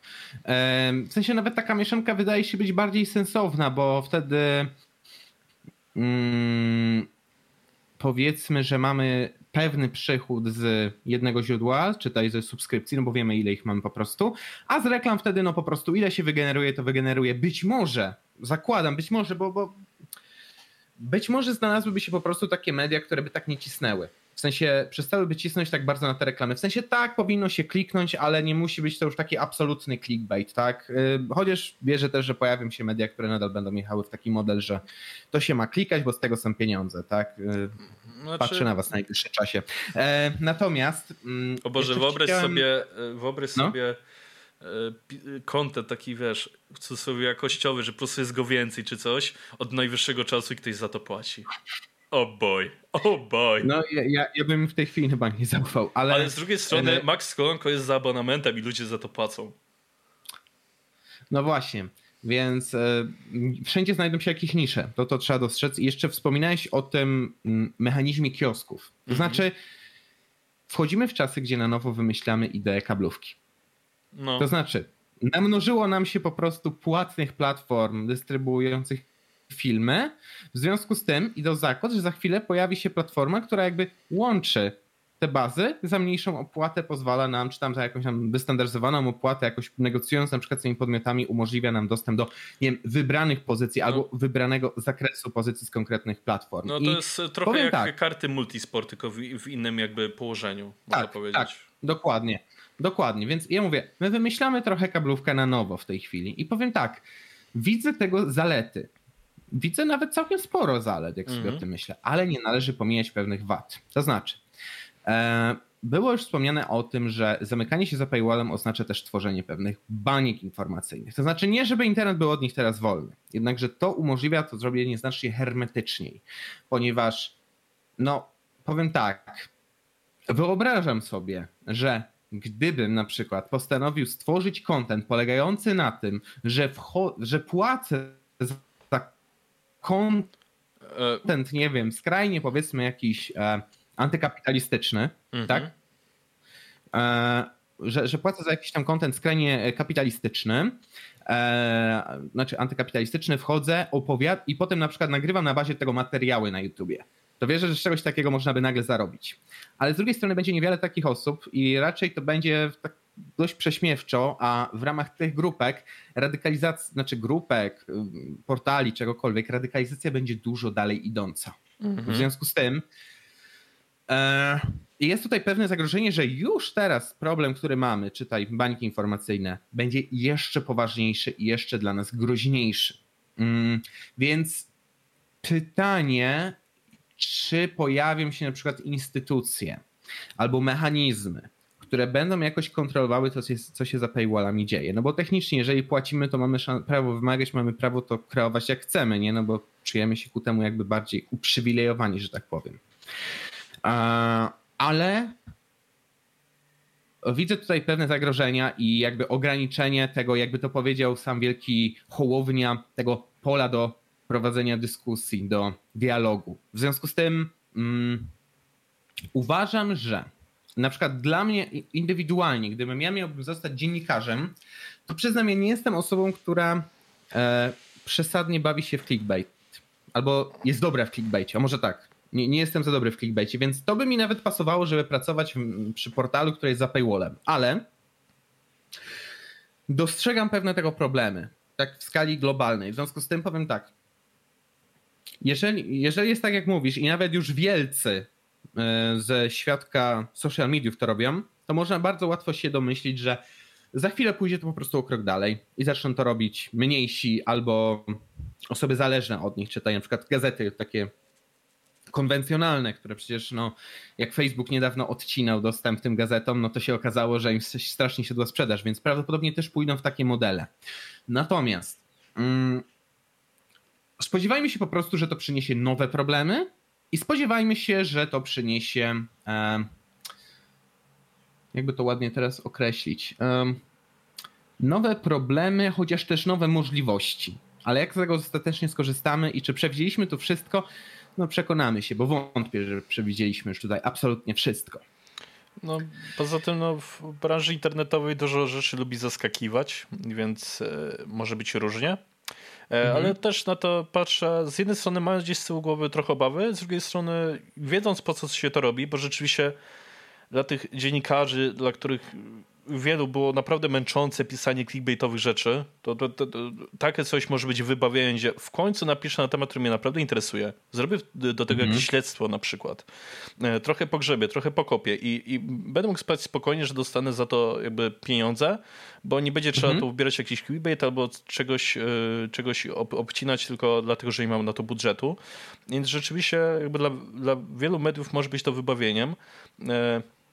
Jeśli chodzi o te banki informacyjne, e, trochę widzę, że tutaj historia zatacza koło tylko z innej strony. Bo zauważ, mhm. że na przykład 10 lat temu to takimi, jakby nie patrzeć, bankami informacyjnymi były, były fora internetowe. Miałeś forę, mhm. forum internetowe, nie dla wędkarzy na przykład. No to, to była w pewnym sensie taka bańka informacyjna. Zresztą, nie, inny najlepszy przykład. Elektroda.pl że tam była taka bańka informacyjna, że tam ilość past, memów i tego, co tam się dzieje, no to, jest związane z tym, że, że siedzą tam ludzie, którzy zajmują się tylko tym, nie ma tam nic innego i to stworzyło bańkę internetową, która polega na tym, że nagle jak coś jest z, z, z czarnej listy zasilaczy, to jesteś jebanym mm. debilem i możesz wypierdalać za przeproszeniem, nie? No, przecież stamtąd się wzięła ta lista, nie? Więc jakby fora internetowe też tworzyły swego rodzaju banki informacyjne, tylko były banki, do, do których my sami wchodziliśmy. Później przyszły social mhm. media, a teraz powi przychodzą pay social media, można powiedzieć, nie? Tylko powiem ci, że wtedy to wynikało jednak z tego, że internet był miejscem, które się dopiero kształtowało i poruszanie się po nim było jednak jeszcze dla wielu przynajmniej dość ograniczone. Teraz to będzie wynikało z paywalli, więc uważam, że sytuacja będzie troszeczkę inna, ale to przez wzgląd na to, że um, płacimy. A jeżeli płacimy, to wiesz, system kapitalistyczny tego uczy, mamy prawo wymagać. W związku z tym zastanawiam się, jak wtedy będą działały mechanizmy typu e, wyrzucanie na przykład ludzi z takich grup, czy, czy nie wiem, odcinanie ludzi od takich informacji. Wiadomo, gazeta nie będzie miała tego problemu, ale jestem ciekaw, jak social media do tego podejdą. Jak będą stosować swoje standardy społeczności, które już teraz mają swoje problemy, nie ukrywajmy, do ludzi, którzy płacą. Bo moim zdaniem to mogą być albo bardzo ludzie uprzywilejowani, albo będą to ludzie, którzy będą protestować. No bo mówię, kapitalizm jednak uczy, płacisz, wymagasz, masz do tego prawo. Z jednej strony tak, ale no powiedzmy, że mamy takich typical szurów, nie? że alternatywna medycyna te sprawy, e, no to dla nich też się stworzą bańki internetowe tak naprawdę, nie? Płatne. No bo wiesz, będzie, no zapłać 3 zł za bycie w grupie powiedzmy i z czego połowa idzie do pana Jerzego Zięby. No na pewno to się stworzy, nie? Wyobraziłem sobie teraz, że powstaje grupa pod tytułem Medyczne alternatywki Zięby. O Boże. I to jest grupa za paywallem. Tak, to dobra. Dla, dla samego tego zróbcie to Facebook, proszę was. Nie, no wiadomo, że to no, byłaby grupa taka, wiesz, poważna. Szóstka. No. Znaczy poważna. No poważna, że, nie, że no... poważnie szóstka, nie że alternatywki, tylko alternatywna tak, medycyna, tak, tak. prawdziwa medycyna, nie?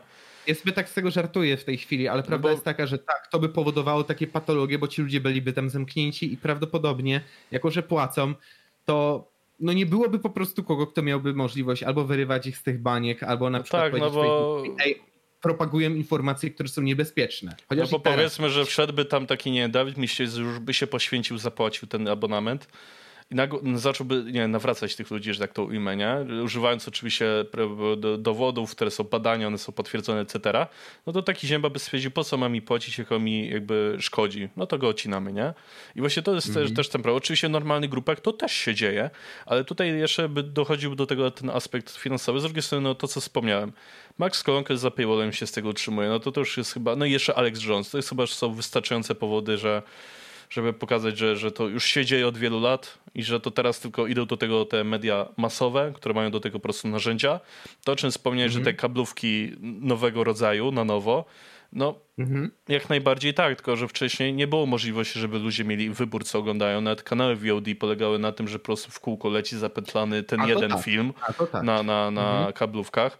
A teraz mamy tą technologię, która umożliwia to, żeby każdemu było dostarczone to, co chce w danej chwili. No, może powiedzmy, że nie teraz, tu i teraz już na 100%, bo nadal są miasta, mhm. w których kablówkach jest, no bo ten internet nie, nie działa zbyt dobrze, ale to coraz bardziej się potęguje i, i rozrasta. Więc moim zdaniem dojdziemy do rzeczy, gdzie pewne rzeczy, tak jak wspomnieć, będą wymyślone na nowo, tylko mhm. różnica będzie taka, że mamy to na wyłączność i wybieramy, co chcemy. Jasne. Um, oczywiście, dlatego mówię, to nie jest oczywiście jeden do jednego kablówka, mhm. masz pełną rację. E, dlatego też zaznaczyłem, że ciężko przewidzieć, jakie nowe problemy jeszcze mogą z tego wyniknąć. I prawdopodobnie musimy po prostu poczekać, aż te media się pojawią, będziemy wtedy o tym rozmawiać. Chyba, że no znajduje się tu ktoś, kto ma doświadczenie z takim modelem funkcjonowania mediów i mógłby coś o tym więcej powiedzieć. No, no chętnie bym się coś więcej...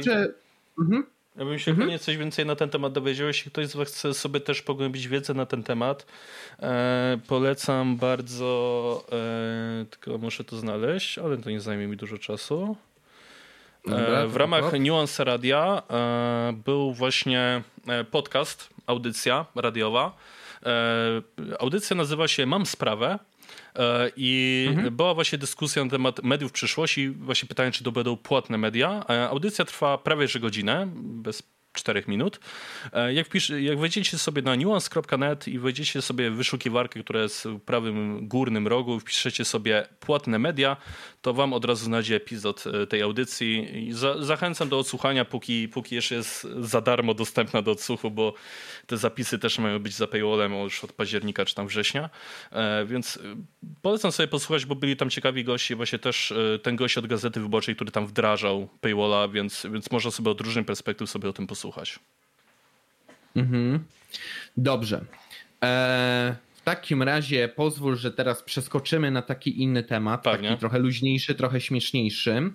E, będzie dotyczył pewnej akcji, którą przeprowadziła Amnesty International w internecie. Przyznam, że ja się o tym dowiedziałem dzięki temu, że polityczne Leslie zaczęło z tego śmieszkować, także mhm. dziękuję tam za podsunięcie mi tego pomysłu na omówienie sobie tego. Otóż Um, możesz sobie też teraz sprawdzić to w międzyczasie, bowiem Amnesty International stworzyła stronę, która się nazywa thelandofabsurdity.com.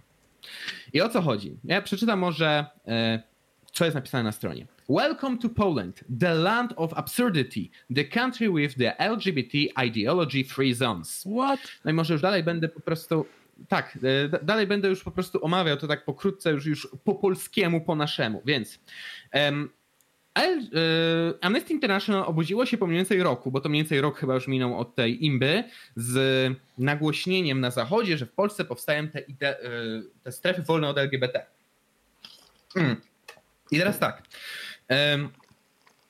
Oni stwierdzili, że przygotują taką akcję społeczną, dzięki której będzie można wyśmieć działania naszego rządu. I teraz tak, ja nie oceniam w tym momencie działań naszego rządu jako dobrych czy złych, tylko jakby zaznaczam, że no, Amnesty International się bardzo mocno spóźniło z nagłośnieniem tej sprawy, -hmm. jeżeli chcieliby to robić. Dodatkowo przypomnę jedynie, tak, tak dla porządku, że przy tej sprawie było bardzo duża ilość dezinformacji. To znaczy w ogóle, że ogłaszano to najpierw na Zachodzie jako e, strefy wolne od samego LGBT, ja nie mówię, że to nie ma winy polskiego rządu, bo oni spieprzeli jakby marketing tej idei, którą chcieli tam jakby wdrażać, ale z drugiej strony um, rozniósł się wielki fake, że Polska jest krajem, gdzie gejów leją na ulicach, tak?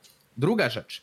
E, nigdy tak naprawdę nie, ogłoś, nie nagłośniono jakoś za bardzo w mediach zachodnich, na czym polegały te strefy wolne od LGBT, że to było bardziej jakby na poziomie na poziomie administracyjnym wprowadzane, jako mm, był to pewien taki opór przeciwko edukacji w kwestiach LGBT w szkołach e, oraz no i przynajmniej z tego, co udało mi się też dojść w międzyczasie, jak sobie mm o tym szperałem, no to e, chodziło też o to, żeby zwalczać coś, co by się nazywało taką, powiedzmy, takimi strefami, czy, czy, czy, czy nie wiem, instytucjami, o może tak, tylko dla LGBT. Czyli coś, co już istnieje, ale tylko dla LGBT. Że, że też mhm. ta akcja przeciwko um, ideologii LGBT chodziło o to, żeby nie tworzyć czegoś, co będzie wyłącznie dla tej grupy, dla tej mniejszości.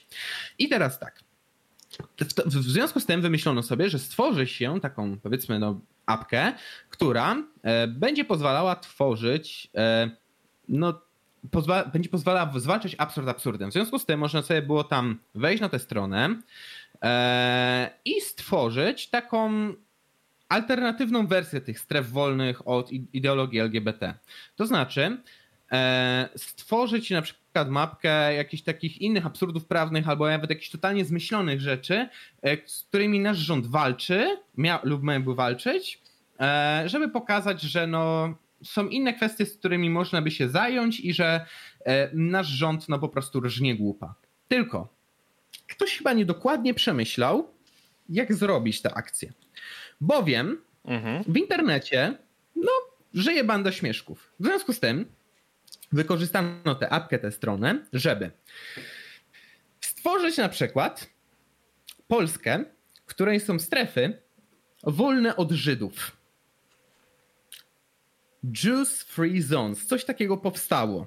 Zresztą, jeżeli nie wierzycie, to wystarczy sobie wpisać na YouTubie Poland, The Land of Absurdity, to wyskoczy wam film, który jakby promuje tę inicjatywę. Przeczytajcie sobie komentarze, bo ja to dosłownie biorę teraz komentarze i ludzie opisują, co w ramach tej akcji odwalono.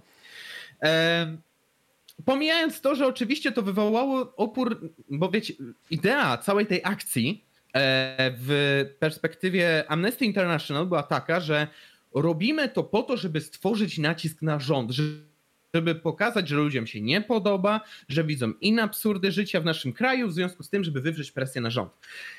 Internet to jest chyba najgorsze miejsce, gdzie można zrobić taką akcję, bo wiadomo, że w internecie żyje banda troli i śmieszków, która zacznie przekręcać tę akcję, szczególnie jeżeli jej odpowiednio nie zabezpieczycie albo nie ukierunkujecie. Nie robi się akcji, które są po prostu rób ta co chce ta, bo internet to jest miejsce mocno ironiczne. To e, raz. Chciałbym przypomnieć case e, bota e, Microsoftu, który był podpięty do Twittera i na podstawie komentarzy, które otrzymywał tak. i oznaczeń jakby kreował swoje e, własne treści. W ciągu chyba jednej doby doprowadzili do sytuacji, gdzie ten algorytm popierał Adolfa Hitlera i był rasistą. E, więc. Tak.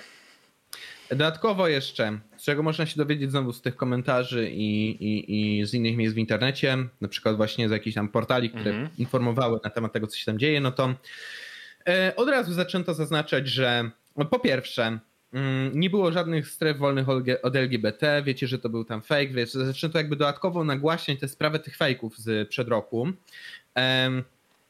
Ponadto um, okazało się nagle, że część internatów to w ogóle e, stwierdziła, że Polska jest bazowana i to popiera. W związku z tym Amnesty International uzyskało efekt odwrotny od zamierzonego. Ja nie mówię tutaj, czy to jest dobre, czy złe, tylko że przeprowadzili akcję, która dosłownie strzeliła im w twarz, tak?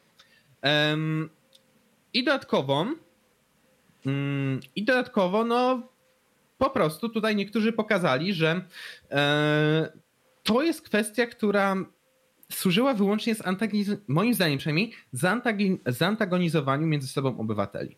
Ponieważ w komentarzach też można poczytać, że jedni wyzywają drugich od patokonserw, drudzy od e, lewaków, homosiów i tak dalej, i tak dalej, tak? Mhm. W związku z tym Amnesty International, chcąc przeprowadzić teoretycznie przynajmniej akcję, która miała jakby skrytykować nasz rząd, przeprowadziła w rzeczywistości akcję, która silnie podzieliła Polaków. I powiem tak, znowu moim zdaniem y, sprawiła, że uprawia się taką negatywną reklamę, że tak powiem, naszego kraju za granicą. Tylko w tym razem nie jest to tak jednostronnie złe dla Polski ponieważ moim zdaniem Amnesty się też tą akcją trochę ośmieszyło. W związku z tym mam do ciebie takie, Dawid, pytanie. Mhm. Czy uważasz, że takie akcje w ogóle powinny być przeprowadzane w internecie? Oraz po drugie, e, czy Amnesty International jeszcze kiedykolwiek będziemy traktować poważnie? Jeszcze szczególnie po sprawie Nawalnego. Niestety dużym problemem takiej organizacji jest to, że tworzą się tam cholerne safe space'y. Bardzo duże safe space'y. I, i mhm. brak, brak, brakuje tam osób, które mają może nie całkowicie przeciwne poglądy, bo jakby nie twierdzę, że mają być tam osoby, które mówią, że Putin jest zajebisty i, i jestem w Amnesty International, bo nie o to chodzi. E, chodzi o to, żeby pojawiły się tam osoby, które mają krytyczne zdanie, bardzo krytyczne zdanie, tak? I to krytyczne mhm. zdanie wynikające z tego, że ej, znalazłem dziurę w waszym systemie, nie? I w, mhm. wypadałoby ją załatać.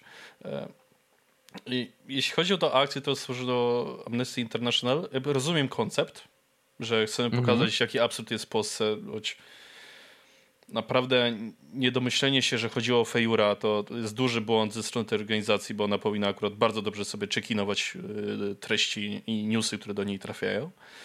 E, ale samą akcję jak najbardziej rozumiem, tylko że nie kapniecie się, że ktoś tego użyje do niecnych celów, to aż mi się nie chce wierzyć, że ktoś tam się nie kapnął.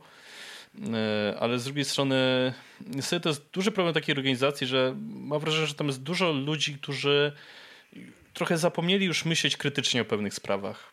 I jakby trochę mhm. zapomnieli, jak to jest żyć w internecie. Już są tak bardzo w swoim bańce, że zapominają o tej części internetu, e, która nadal, nadal istnieje i ma się dobrze. Mhm. E, i, jeśli chodzi o to, co ja sądzę o Amnesty International, po, jeszcze po sprawie z Nawalnym, e,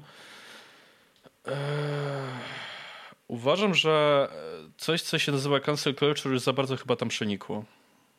Mhm. I że dużo ludzi jakby zapomina o tym, że są ludźmi. I że mhm. jakby jakby ktoś wykopał moje rzeczy z Facebooka pewnie albo z jakichś innych rzeczy sprzed 10 lat, uprzedzę, nie znajdziecie, bo te konto już spadło z rowerka i to nie z mojej, nie z mojej, nie z mojej inicjatywy. E, to, to pewnie też mi by się dało jakieś brudy wyciągnąć, nie? Na upartego. E, mhm. Ale za chwilę by ktoś przyszedł i powiedział, ej, ten typ miał wtedy 14 lat, serio chcecie rozliczać gościa, który ma teraz 25 za jakąś pierdołę, którą napisał 10 lat temu i o której prawdopodobnie zapomniał 150 razy, naprawdę? E, bo mhm. oczywiście czym innym jest wyciąganie, że ktoś kogoś nie na przykład molestował jako aktor, jak miał lat 30, bo to zupełnie inna sprawa, ale co innego jest wyciąganie jakiś pierdół, który ktoś kiedyś napisał, biorąc pod uwagę, że jako 10 lat temu żyliśmy jako zupełnie inne społeczeństwo, będące jeszcze dużo bardziej konserwatywne niż w chwili obecnej. E, I, jakby wyciąganie takich rzeczy jest trochę nie fair, tak samo jak reżyserowi życia Gregamel na siebie wyciągnął to, co lajkował na wykopie. No wiecie, ja też lajkuję uber hardkorowe memy czasami. Jakby to nie jest tak, że ja tak myślę na serio, tylko siedzę na kiblu starami po prostu coś mnie rozśmieszyło, bo stwierdziłem, o, jaki totalny absurd i jak takie, takie wyjście poza ten safe space internetowy szanuję, nie? Mhm. E, I to, to, jest, mam wrażenie, duży problem obecnie takich organizacji, że one sobie tworzą safe space, chcą tworzyć safe space, albo za bardzo żyją już w takich safe że już nie widzą tego, co jest e, za tym. Jakby trochę nie umieją przewidzieć marketingowo, co może się wydarzyć z pewną akcją, którą mają, bo e, nie jest łatwo rzeczą oczywiście przewidywanie, co może się spieprzy przy danej rzeczy, co nie zmienia mhm. faktu, że ja bym stwierdził, ok, stworzyliśmy taką platformę, Wymyślcie rzeczy, z którymi się najbardziej nie zgadzacie i spróbujcie je za pomocą tej platformy stworzyć. Jeśli się uda, to znaczy, że mamy dużą dziurę, którą należałoby załatać. Jeśli nie mhm. mamy, to znaczy, że nasze, yy, nasze zabezpieczenia na chwilę obecną, przynajmniej w naszej obecnej wiedzy, są wystarczające. E, mhm. więc, więc no, z drugiej strony mamy ten Greenpeace. No no, to też jest taka organizacja, która walczy o ekologię, używając bardzo często metod bardzo nieekologicznych, e, takich na przykład, już nie pamiętam w ramach czego to był protest, ale na jedno z rond chyba w Berlinie, generalnie gdzieś tam w Niemczech, e, całe rondo zalano żółtą farbą. To jest w cholerę mhm. nieekologiczne, bo ta farba była no, na pewno nie bardzo ekologiczna, bo przynajmniej niewystarczająca. A poza tym no, z urzędu miasta musiały być pieniądze, które są z podatków e, ludzi tam mieszkających, na to, żeby tą farbę stąd z tego zmyć, e, co spowodowało, że powstała to na ścieków, która spłynęła z tą farbą. Ekologiczne? Nie sądzę. Dałoby się na pewno to załatwić lepiej, zwłaszcza, że internet pozwala pewne rzeczy załatwiać bardziej ekologicznie, bo jakby nie musimy zużywać pewnych zasobów, e, a mhm. jednocześnie coś nagłaśniać. Więc no, generalnie myślę, że każdej takiej organizacji dałoby się dużo rzeczy różnego rodzaju wytknąć. Tak samo jak WHO, na przykład to, że Chiny je wspierają. Co mhm. o tym sądzę? No sądzę, że może to być trend, który będzie się pogłębiać, ale musimy to obserwować. A samej akcji Amnesty International, tak jak mówiłem, rozumiem koncept, ale nie przewidzieli, jak może się to wymknąć spod kontroli. Dokładnie tak.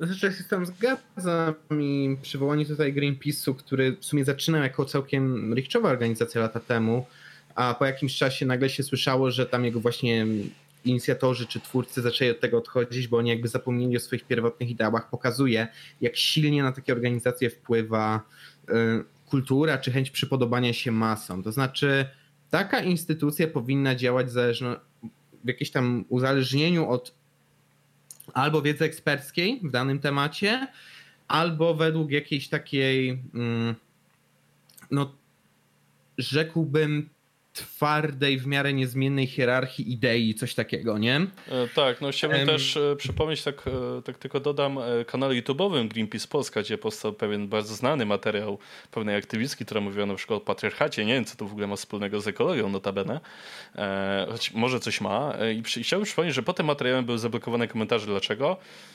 Odpowiedzcie sobie sami. Mhm. Tak więc... Um mówię, takie instytucje za bardzo chcą się stawać popularne, zamiast być instytucjami, które walczą o jakąś ideę. I to jest ogromny problem, bo stają się fajnistyczne i Oj, tak. popularystyczne, tak. a, nie, a, nie, a nie są misyjne. Bo znajdziemy instytucje i organizacje misyjne jak najbardziej, tylko niestety przykład właśnie Amnesty International czy przykład Greenpeace'u mhm. pokazują, że takie instytucje mogą łatwo jakby no, wypaść z trasy, spaść z rowerka, zacząć robić rzeczy, które są delikatnie rzecz ujmując dziwne, a w najgorszym razie wręcz szkodliwe. E, tak, no myślę, Dobrze. że też dużym problemem mhm. takiej organizacji jest to, że tam jest mnóstwo osób młodych, a głównie to młode, młodym osobom zależy na tym, żeby być właśnie e, popularnym głównie, nie? Tak, Więc myślę, tak. że to też może być pewien problem. Nie mówię, że młodych osób ma nie być w takich organizacjach, ale powinien być jednak jakiś organ nadzorujący to wszystko. No, widzimy, co się dzieje, jak młodzieżówki są zostawione bez kontroli w polityce, nie? Także to oj, samo tak, dzieje młodzieżówka Konfederacji. Tak, jeszcze lewicowe. Oj tak, oj tak. I lewicowe, tak, tak. To są najlepsze akurat kopalnie beki i kontentu. Dobrze.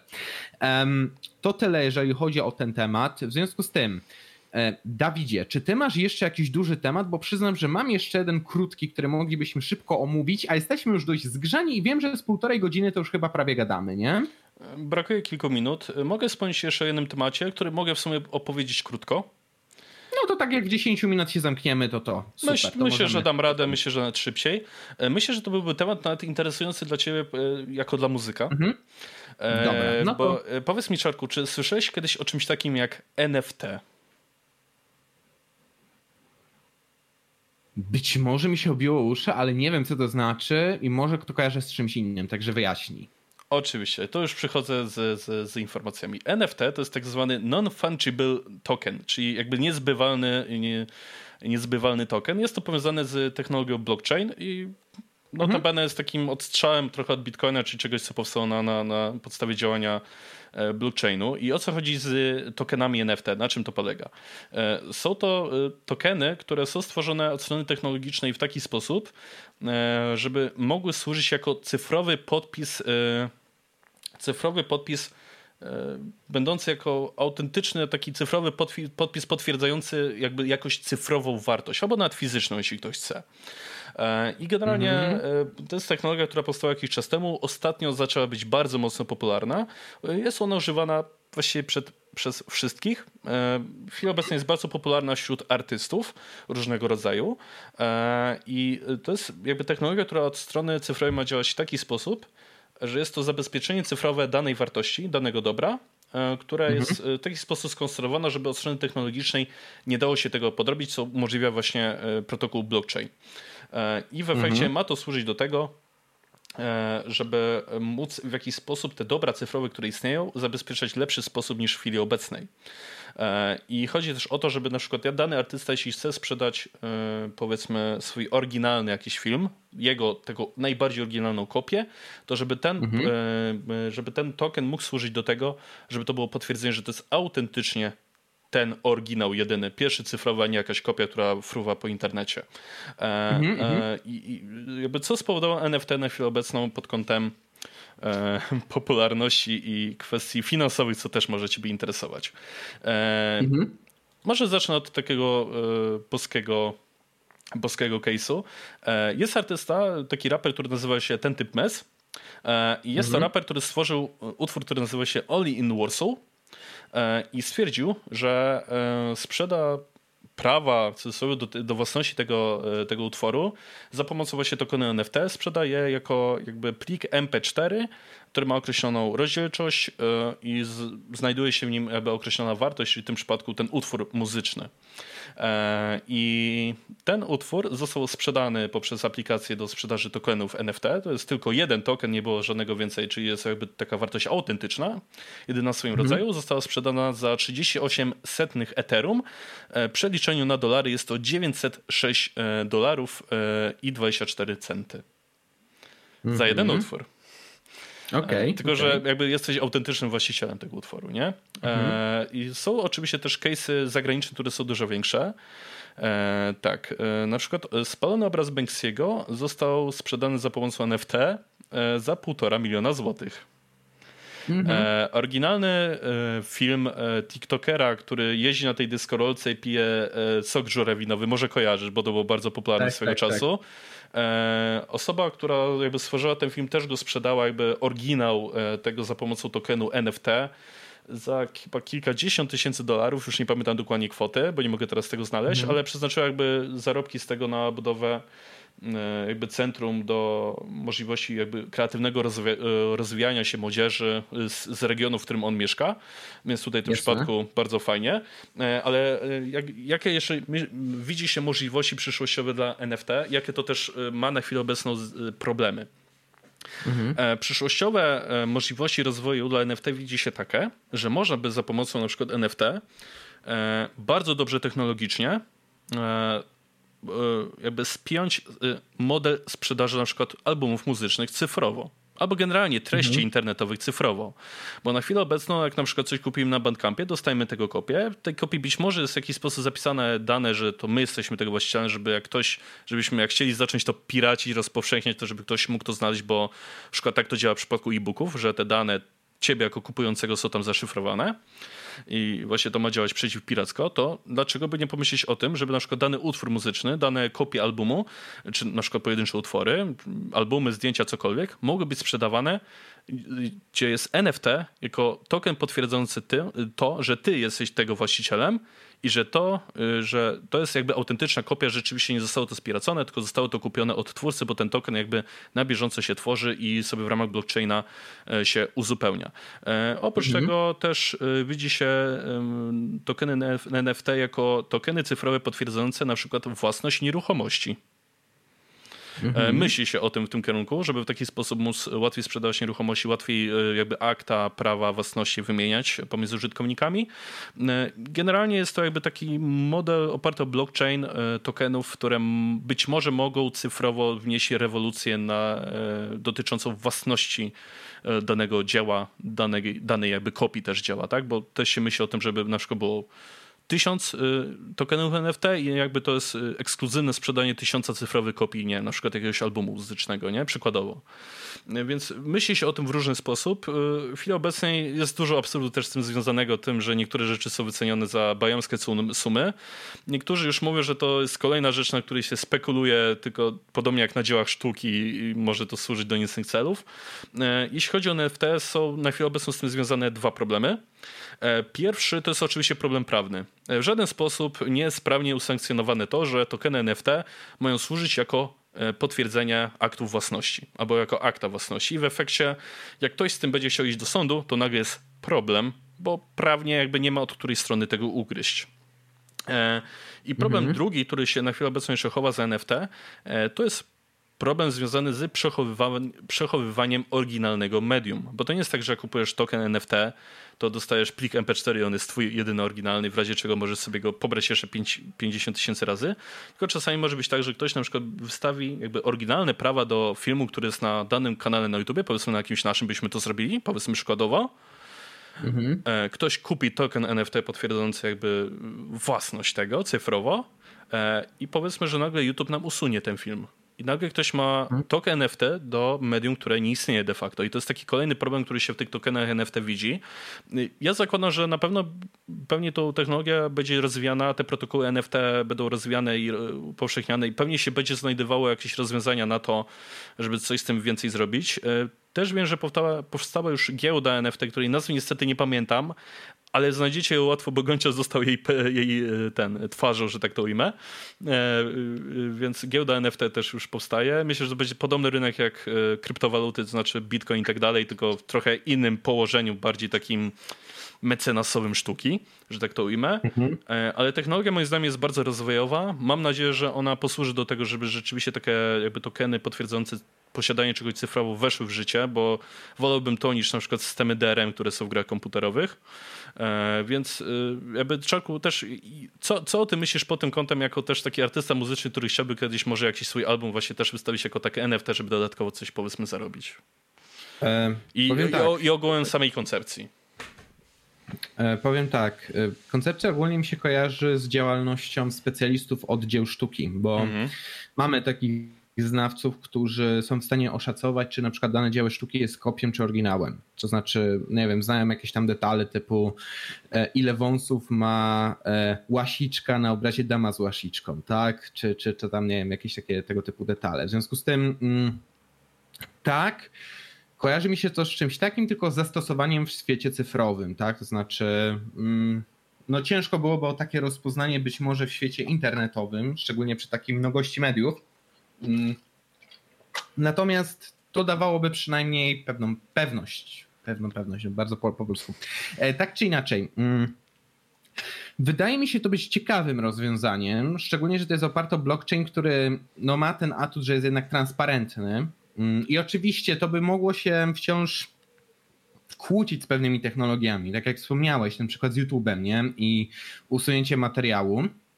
Natomiast jeżeli byłoby to wykorzystywane do, do dzieł oryginalnych, które posiada sam twórca i nie jest uzależnione od e, trzymania ich na żadnym innym portalu, no to tak, mogłoby to mieć zastosowanie w świecie internetowym. Dodatkowo mhm. Bardzo mi to przypomina taką historię, którą kiedyś Adam Mili przedstawił w jednym swoim materiale, gdzie mówił o tym, mm, co czyni chyba muzykę unikatową. I doszedł tam ostatecznie do wniosku, że jednym z najbardziej oryginalnych e, sposobów tworzenia muzyki jest taka parka była tam pokazana, która nagrywa ten sam utwór w kółko i w kółko przez cały dzień na powiedzmy 30 winyli ale każde nagranie jest indywidualne. Każde ma jakieś swoje inne drobne błędy, swoje jakieś inne drobne różnice jest w pewien sposób unikatowe. Tworzą takich powiedzmy 30, więc jest ich bardzo ograniczona ilość i znajdują się ludzie, którzy są w stanie zapłacić za nie dużo więcej niż za nagranie robione tak naraz, a potem kopiowane w ramach jakiejś tam tłoczni. Więc widzę w tym pewną wartość kolekcjonerską zdecydowanie, no bo kurczę, no pojawiliby się na pewno tacy ludzie, którzy stwierdzą, o to ktoś zrobił tam mm, powiedzmy jakiś utwór i ja bym miał na niego, nie wiem, oryginalny, pierwszy wyrenderowany plik, albo wręcz, nie wiem, jakieś tam tejki, które, które były używane, wiesz, w czasie miksu w studio, tak? Dokładnie. Um, albo miałbyś... I nie dziwię się, jeżeli... Albo miał być na przykład dzieło sztuki, które jest przechowywane w jednym miejscu cały czas, ale te tokeny służą do tego, żeby się wymieniali właściciele pomiędzy, nie? I właśnie nie zdziwię się, jeżeli coś takiego byłoby dla ludzi atrakcyjne, bo może nawet nie tylko dla ludzi, ale i dla instytucji. Pamiętajmy w końcu, że na przykład są kraje takie jak USA, które no, przez to, że nie istnieją zbyt długo, to żeby stworzyć swoją kulturę, to muszą doceniać sztukę, która jest tworzona na bieżąco. W związku z tym oni na przykład nie mają żadnego problemu, żeby do swojego muzeum y, kultury, tak, e, wrzucić dzieła, które powstały relatywnie niedawno, przynajmniej z naszej perspektywy europejskiej. Czyli nie wiem, wrzucają na przykład album doktora Dre do tego, tak? Tak, The Chronic jest uznawany już jako dziedzictwo narodowe USA. Dokładnie. Więc jako, że żyjemy w świecie coraz bardziej cyfryzującym się, takie możliwość potwierdzenia, że coś jest oryginalne i możliwość przechowywania go później w jakimś właśnie muzeum też wydaje mi się atrakcyjna dla rozwoju kultury, dla zachowywania jej czy kultywowania w jakiś sposób. Tak więc um, powiem tak. Widzę w tym bardzo obiecującą przyszłość tych tokenów. Tylko, że oczywiście trzeba by rozwiązać pewne problemy związane z konfliktogennością e, z niektórymi platformami, jak już wspominałem. I druga rzecz, która mi się tutaj jeszcze tak jawi jako pewien problem z tym związany, czy pewne zagrożenie związane z wdrażaniem czegoś -hmm. takiego, to by było to, że Mm, ja nie uważam, że tutaj dochodziłoby do spekulacji na tym, ale prawdopodobnie takie dzieła cyfrowe miałyby ryzyko stania się narzędziem do prania pieniędzy. Już wyjaśniam o co chodzi. Bo jeżeli mamy teraz na przykład jakieś muzea sztuki współczesnej mhm. i w ramach tych muzeów mamy jakieś wystawy, to część z tych dzieł tak naprawdę mogła być mogła bardzo szybko zyskać na wartości, uznać rozpoznanie międzynarodowe, właśnie dlatego, że tak naprawdę jakiś mafios włożył w to dużo pieniędzy, żeby one przechowywały wartość i żeby je oczyścić, że tak powiem. Mm. Nie? W związku z tym można by to wtedy robić też w sferze cyfrowej, korzystając z takich dóbr, które są opieczętowane takim tokenem. Oczywiście nie unikniemy tego i należy to dostrzec jako zagrożenie, tylko uważam, że nie jest to zagrożenie lub problem, który byłby który by przeważał nad korzyściami, które by płynęły z takiego rozwiązania. Innymi słowy, to nie jest rozwiązanie idealne, ale jako, że artyści raczej lubią preferować posiadanie oryginalnego materiału lub sprzedawanie go po prostu drożej, co jest też problemem, no bo popatrzmy, że na przykład rozwój platform streamingowych spowodował, że muzycy dużo mniej na, zarabiają na oryginalnie stworzonej muzyce, która jest nagrana. Oni raczej muszą zarabiać teraz z live'owego grania. Chyba, że są popularni. No też sprawia, że no, no tak.